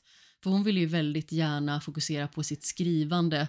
Hon älskar berättelser, hon älskar att läsa berättelser, men hon vill också skapa berättelser. Och med det så börjar hon också författa en historia för att hon blir inspirerad av Seiji och hans skapande med sina fioler och att han också skapar via musiken som han kan förmedla med dem. Och när hon upptäcker då att den här berättelsen som hon har tänkt att skriva inte riktigt blir så polerad som hon har förväntat sig så blir hon helt förkrossad. Då är det också liksom väldigt viktigt att tänka på att den här historien kan poleras flera gånger om. Det här är liksom inte vägs ände på något sätt. Men för att liksom lite grann beskriva hur de kommer till den här punkten så är det egentligen som så att hon följer efter en rotund katt som hoppar på tunnelbanan och ser var den tar vägen för någonstans. Och den här katten leder henne till en antikhandlare som då visar sig vara Seijis morfar. Och han förtäljer berättelser för henne och delar liksom med sig av sina erfarenheter. Och det är också han som sedermera får läsa hennes bok och också ge henne lite feedback kring vad hon kan tänka på framöver. Och det är också ett ting som den här morfadern då har i sin ägo som hon också väljer att skriva den här berättelsen om. Det är liksom hela det som det baseras på. Och det är en kattfigur som kallas Baronen och den i sig har en egen väldigt viktig berättelse för den här morfadern men hon ger ju liksom den ett helt annat liv. Och det är ganska så kul för att den här figurinen den finns också med i ett annat verk och det är Studio Ghibli-filmen The Cat Returns som spelades in några år senare. Och då har liksom den här baronen i mångt och mycket fått ett helt eget liv och en helt annan berättelse. Så det är kul att de tar någonting som är väldigt verklighetsförankrat, plockar ut en liten beståndsdel ur det och gör en spin-off. Men skulle man då kunna säga att den här spin-offen är den boken de skriver? Jag vet faktiskt inte. Det Det är mycket my- möjligt. Det skulle mycket väl kunna vara så. Nu var det några år sedan jag såg den, men jag tyckte om den väldigt mycket. Det är en otroligt mysig film som vi borde se tillsammans. Mm. Sen kanske jag är lite partisk i och med att jag älskar katter. Mm. Jag tror att du kommer tycka om den också, naturligtvis. Annars hade jag inte tipsat om den. Men jag tycker verkligen att, att den, det liksom budskap i filmen kommer med just det här med att ingen är bra på någonting från början, utan man måste ju träna. Och jag tror att det är just viktigt för att i den åldern också så tänker man liksom att alla som kan någonting, de kan det. Det är liksom att man glömmer bort, och det kan tänka sig att det är för vuxna människor också, men man glömmer bort att det är ett arbete bakom. Liksom att bara för att du är duktig på att rita nu till exempel så betyder inte det att du var duktig att rita på så fort du tog en penna liksom, för det är ingen. Eller att som Seiji då som gör fioler och Seiji själv kanske inte tycker att det är de bästa, men han vill bli bättre. Och han säger faktiskt också att det finns många som är lika bra som jag. Och det kan vara viktigt också att tänka ur det perspektivet. Det är många som är ungefär på samma nivå och vill man bli bättre då är det helt enkelt bara att fortsätta öva på det så att man faktiskt når dit man vill. Ja, men samtidigt så att bara för att du övar på något så betyder det heller inte att du kommer lyckas. För det tyckte jag också filmen försökte poängtera väldigt bra. Det var det här att, ja men, om du misslyckas så ska du liksom inte vara ledsen för det, för att då har du i alla fall försökt. Och de som inte, de som inte misslyckas, de kanske aldrig har försökt. Vilket också är, är liksom en, en bra grej, för att jag tror att många människor är ganska rädda för att ens börja prova någonting för att, nej men det kommer inte gå. Nej men precis. Men det kan man ju aldrig veta. Och, sen, och bara för att man misslyckas betyder ju heller inte att det är kört, utan det är liksom bara så, okej, men nu misslyckas den här gången, så då får du göra det igen. Och igen och igen liksom. Verkligen. Och det är ett budskap som jag verkligen kan sympatisera med. Jag har ju, precis som jag nämnt tidigare, ägnat väldigt stor del av mitt liv åt att tävla i bowling. Och det var många andra som hade ganska så mycket större försprång i och med att de kanske hade föräldrar som ägde bowlinghall eller de kanske hade stora syskon som utövade sporten innan. Så att de började vid väldigt ung ålder. Och när jag började vid tio års ålder så hade de liksom redan spelat i flera år och ändå var i samma ålder.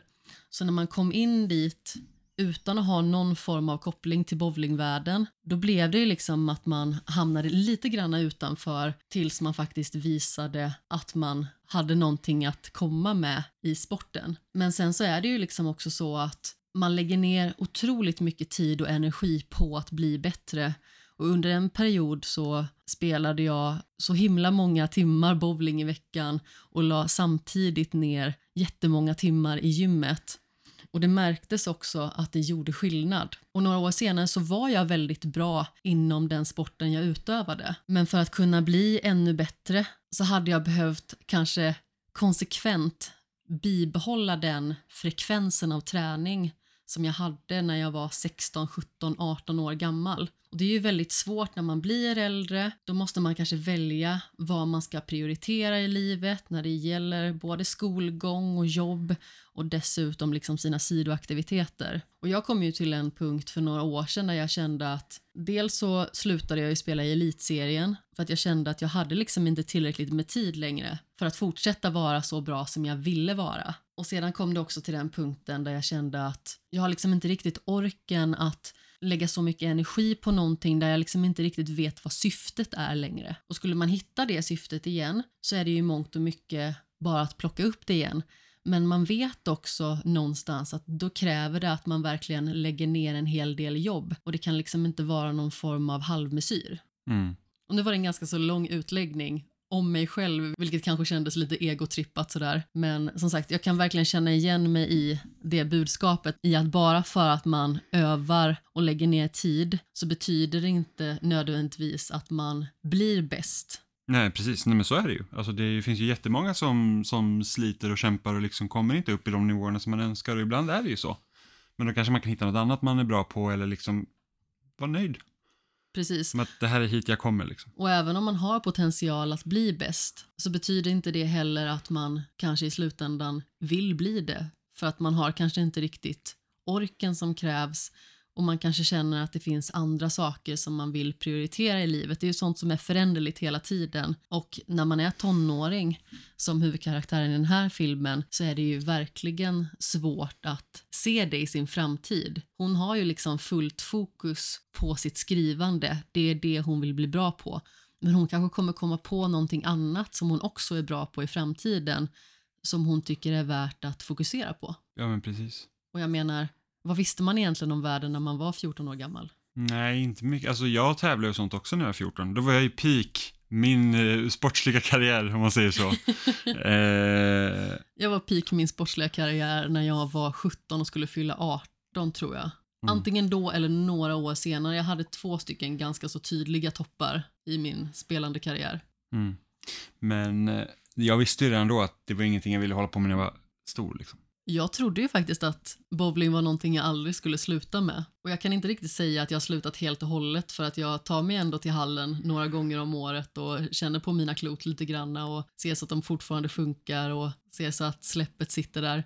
Men eh, jag hade inte kunnat föreställa mig när jag var 14 år gammal att jag vid 31 års ålder inte skulle träna flera gånger i veckan i bowlinghallen eller att jag liksom skulle i mångt och mycket ha lagt sporten på is. För mitt mål var ju att bli bäst i världen egentligen. Det låter ju väldigt överdådigt, men det var mitt mål då och även liksom i flera år framöver.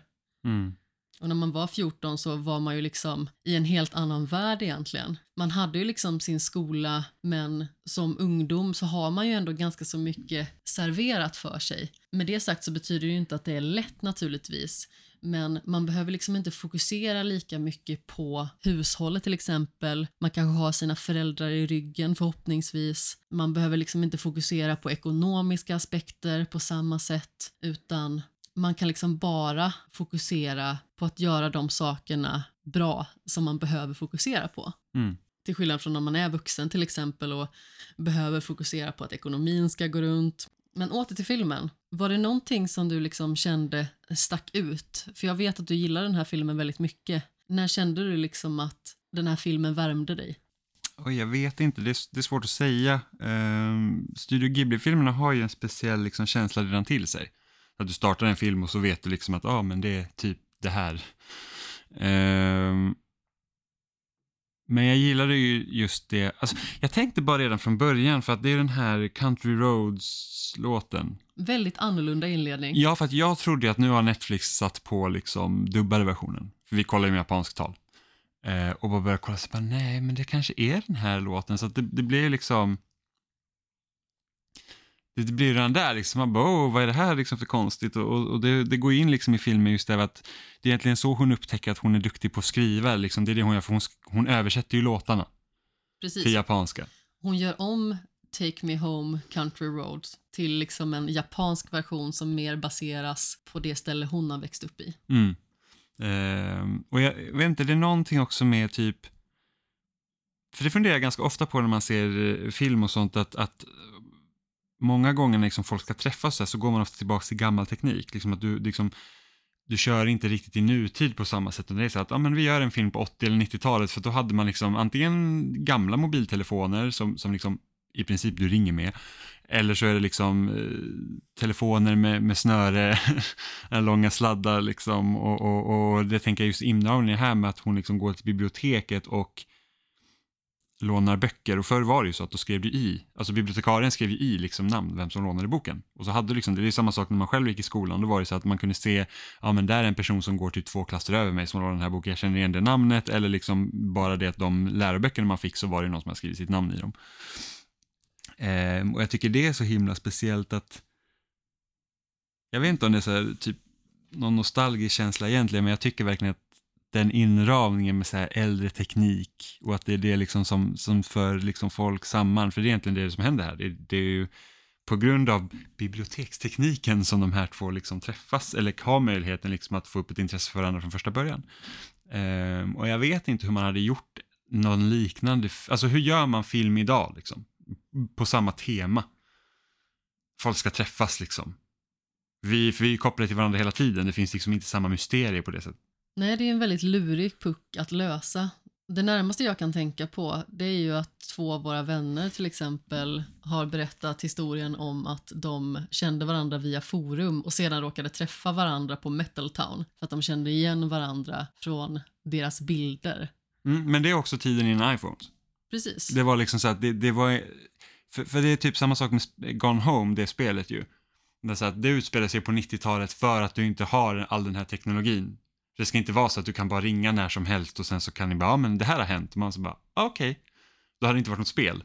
Precis. Vissa berättelser behöver vissa förutsättningar för att kunna slå hårdare och hela den här biblioteksaspekten gör ju verkligen att det finns en ton som är väldigt svår att översätta till dagens samhälle. Mm. Jag vet inte ens hur det går till när man lånar biblioteksböcker idag. Det allt ska, skannas väl bara in i någon datasystem liksom och så vet man vem som har den. Förmodligen är Mm. det så. Så att, ja, har Alla ju- har väl någon form av profil på sitt biblioteks hemsida. Ja, jag antar det. För så var det typ när jag, när jag gick i högskola, då var det så att då var det så himla coolt att låna böcker där, för då la du liksom alla böcker på en, en våg typ.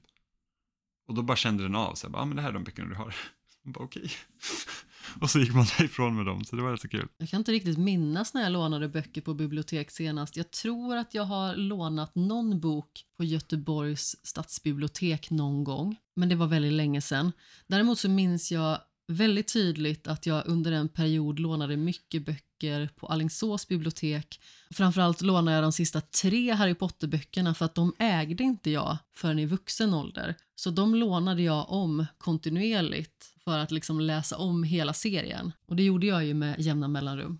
Mm, ja, samma här. Nu är det ju dock, det är nog tio, över tio år sedan jag läste Harry Potter senast. Jag har ju lyssnat på böckerna. Versionerna med Stephen Fry är otroligt väl upplästa och framförallt så gör han rösterna på ett så roligt och levande vis så att det blir liksom en alldeles egen upplevelse. Men böcker har verkligen fått lite av ett uppsving för mig. Det är inte så att jag någon gång har slutat läsa helt och hållet, men i vissa perioder i ens liv så har man ju liksom kanske olika fokus på olika saker. Under en period så var det liksom väldigt mycket videospel för mig. Under en period kom det in ganska så mycket mer film för mig och jag gick väldigt mycket på bio och fokuserade mycket på det. I perioder har det varit väldigt mycket tv-serier, men just det här året så har det blivit väldigt mycket mer böcker, vilket jag är glad över. För att jag fick liksom någon form av liten spark i röven när Storytel skickade ett mejl och skrev att de kommer höja sin prenumeration med ganska så mycket pengar. Och då kände jag att jag verkligen måste försöka få valuta för pengarna. För när de ökar prislappen med ungefär 60 spänn i månaden så känns det som att då måste det verkligen kunna vara en tjänst som är prisvärd för en. Och helt plötsligt kom jag in i ett stim där jag började sluka väldigt mycket upplevelser i bokform. Jag har ju även naturligtvis läst fysiskt, men läser inte lika mycket fysiskt längre som jag gjorde förr, när jag verkligen var liksom en bokslukare på det viset. Men under det här året så har jag nästan tagit mig an en bok i veckan med alla bokupplevelser som jag har tagit mig an. Och det har faktiskt varit ett väldigt givande år på något sätt. Bara för att jag har känt att jag har fått upp ögonen för att ta mig an nya berättelser i bokform och det finns ganska så mycket som jag kanske har missat längs med vägens gång. Jag skaffade ju Storytel 2018 någonstans och under de åren som jag har haft det så tror jag att jag har landat på runt 20-25 böcker varje år. Och det har både varit böcker som jag inte har tagit mig an tidigare och även eh, gamla böcker som jag har velat återuppleva. Men eh, i år så har nästan alla böcker varit sådana som jag inte har läst tidigare. Och jag känner liksom att jag har fått väldigt mycket inspiration till egna berättelser. Och det var någonting som jag också kände att jag fick när jag såg den här filmen. För att det gjorde mig väldigt glad att se henne vara så engagerad i den berättelsen. Att gå till biblioteket för att söka upp information för att komplettera det som hon liksom redan ville förmedla. Mm. Och i och med att jag också själv kommer börja studera nu om bara några veckor så kände jag att det var liksom också en väldigt upplyftande film i sammanhanget. Och det här var ju någonting jag inte visste om innan vi faktiskt såg filmen. Så på något sätt så gjorde den här filmen mig lite extra optimistisk. Mm, det var roligt. Jag köper ju fler böcker än jag hinner och orkar läsa. Samma här naturligtvis. det blir ju så att, sen kommer in lite sån här, att ibland läser man lite mer och ibland läser man lite mindre. Men det är bara att jag ofta är så trött så jag somnar istället. Och det är lättare att slå på någonting på iPaden istället än att sätta sig och läsa. För egen del så föredrar jag ju nu för tiden att ta mig an böcker i ljudform just på grund av att det går att göra så himla mycket mer samtidigt. Det enda problemet när det gäller ljudböcker det är ju att det beror väldigt mycket på hur uppläsaren är. Skulle det vara att man hittar en bok med en uppläsare som man inte alls trivs med eller som säger saker på ett sätt som man inte riktigt är förtjust i eller kanske retar sig på, då blir det helt plötsligt lite svårare att ta sig an boken. Medan om man läser en bok själv, då har man ju liksom sin egna fantasi och de rösterna som man skapar i sitt eget huvud för sig. Å andra sidan så kan jag lyssna på en ljudbok samtidigt som jag är ute och går på promenad, där jag pendlar, där jag sitter och spelar simulatorspel till exempel, när jag lagar mat. Det är liksom ett väldigt bekvämt sätt att ta sig an en bok och om man känner att man liksom inte riktigt har den tiden att sätta sig ner och känna att man kan slappna av med en fysisk bok i handen, då är ljudbok verkligen att rekommendera och jag vet att inte det är för alla. Det är många som jag pratar med som tycker att det är svårt att ta sig an en ljudbok för att så fort deras tankar kanske hittar någonting annat i fokus, då tappar de liksom hela narrativet direkt. Mm. Hur känner du när det gäller ljudböcker? Jag lyssnar ju mest på poddar, så att för mig, det blir liksom så att om jag lyssnar på ljudbok så vill jag lyssna på ljudboken, då, kan jag liksom inte, då vill jag inte riktigt sitta och göra någonting annat. Medan poddar kan man liksom bara slö, lyssna på lite och hoppa in och ut som man vill. Och jag känner att jag inte kan göra det med bok. Jag gillar ju fysiska böcker, jag gillar att läsa fysiskt. För då kändes det som att man delger hela sin uppmärksamhet just till boken. Och det är naturligtvis en väldigt liksom, respektfylld tanke. Det som jag känner när det gäller ljudböcker, det är att jag inte riktigt behöver känna den stressen som det kan vara när man liksom läser en fysisk bok. För att det finns så himla mycket andra upplevelser som jag också vill ta mig an när det gäller till exempel videospel, film och tv-serier. Och då känner jag att det går liksom att kombinera konsumerandet av böcker med annat. Och det är någonting som funkar väldigt bra i vardagen för mig. Mm. Men samtidigt så finns det någonting kittlande inom en när man tänker på tiden på bibliotek. Det är någonting med det analoga som man gillar väldigt mycket. Boken är ju liksom väldigt tidlös på det sättet. Den har funnits med oss så otroligt länge och den finns fortfarande med oss. Och det känns som att den gör det av en anledning. Mm. Och visst, det finns fortfarande olika versioner av böcker. Det går, det går att konsumera det på läsplatta eller mobil och det går att lyssna på. Men den fysiska boken finns fortfarande kvar. Mm. Och det är ju något speciellt liksom, att ha massa böcker i bokhyllan också. Man blir ju varm och fluffig inombords. Mm. Mer, än, mer än så att ha typ film och, och nu har vi ändå väldigt mycket film och vi har också väldigt mycket spel, speciellt gamla spel. Men det är något speciellt också med böcker för att det är att du tar upp en bok och sen så bara sätter du och läser den. Det kan du inte göra med något annat medie. Nej men precis, då är du ju beroende av att ha någonting att använda själva titeln på. Boken kan du liksom konsumera utan några former av tillbehör överhuvudtaget. Mm. Och du kan också ta med den överallt naturligtvis. Mm. En av de sakerna som verkligen talade till mig, det var när morfadern berättade om vad kattfigurinen betydde för honom. För att den här baronen är liksom inte bara en ensam figurin utan den tillhör ett par. Det finns en kvinnlig kattfigur också och den tillhör någon som han höll väldigt kär en gång i tiden men när han var tvungen att åka tillbaka till Japan och de separerades från varandra, då tog han med baronen och hon tog med den kvinnliga kattfigurinen. Men han kunde inte återvända till henne på grund av kriget som utbröt då. Mm. Och de har aldrig återfunnit varandra. Så det finns ju liksom en viss värme i den berättelsen men det finns också en stor sorg på något sätt. Mm. Och det känns också liksom som att när huvudkaraktären som är 14 år gammal får till sig den berättelsen så blir det liksom också väldigt viktigt för henne att hålla fast i Seiji. För Mm. att han har ju kommit att betyda väldigt mycket för henne. Och det är liksom en väldigt fin ungdomskärlekshistoria som värmer på många olika vis. Och som sagt, det är inte jätteofta Studio Ghibli fokuserar på någonting som är helt och hållet verklighetsförankrat heller. Nej men precis. Men de är också väldigt bra på det. ja, men De är ju väldigt bra på att berätta historier som berör. mm. Och det finns ju alltid liksom väldigt mycket tanke bakom. Det finns mycket att lära av filmerna och eh, oavsett om det är fantastik inblandat eller om det är verklighetsförankrat så finns det ju alltid någonting som man kan ta med sig från filmen. Ja men verkligen. Men vad säger du? Börjar det bli dags att runda av kanske? Yes. Precis som tidigare nämnt så är ju det här vårt 110 avsnitt innebärande att vi har levererat i snitt 22 avsnitt per år. Och det låter ju naturligtvis inte jättemycket men naturligtvis så uppskattar vi ju jättemycket att det finns folk där ute som lyssnar och delar med sig av sina kommentarer och funderingar och åsikter.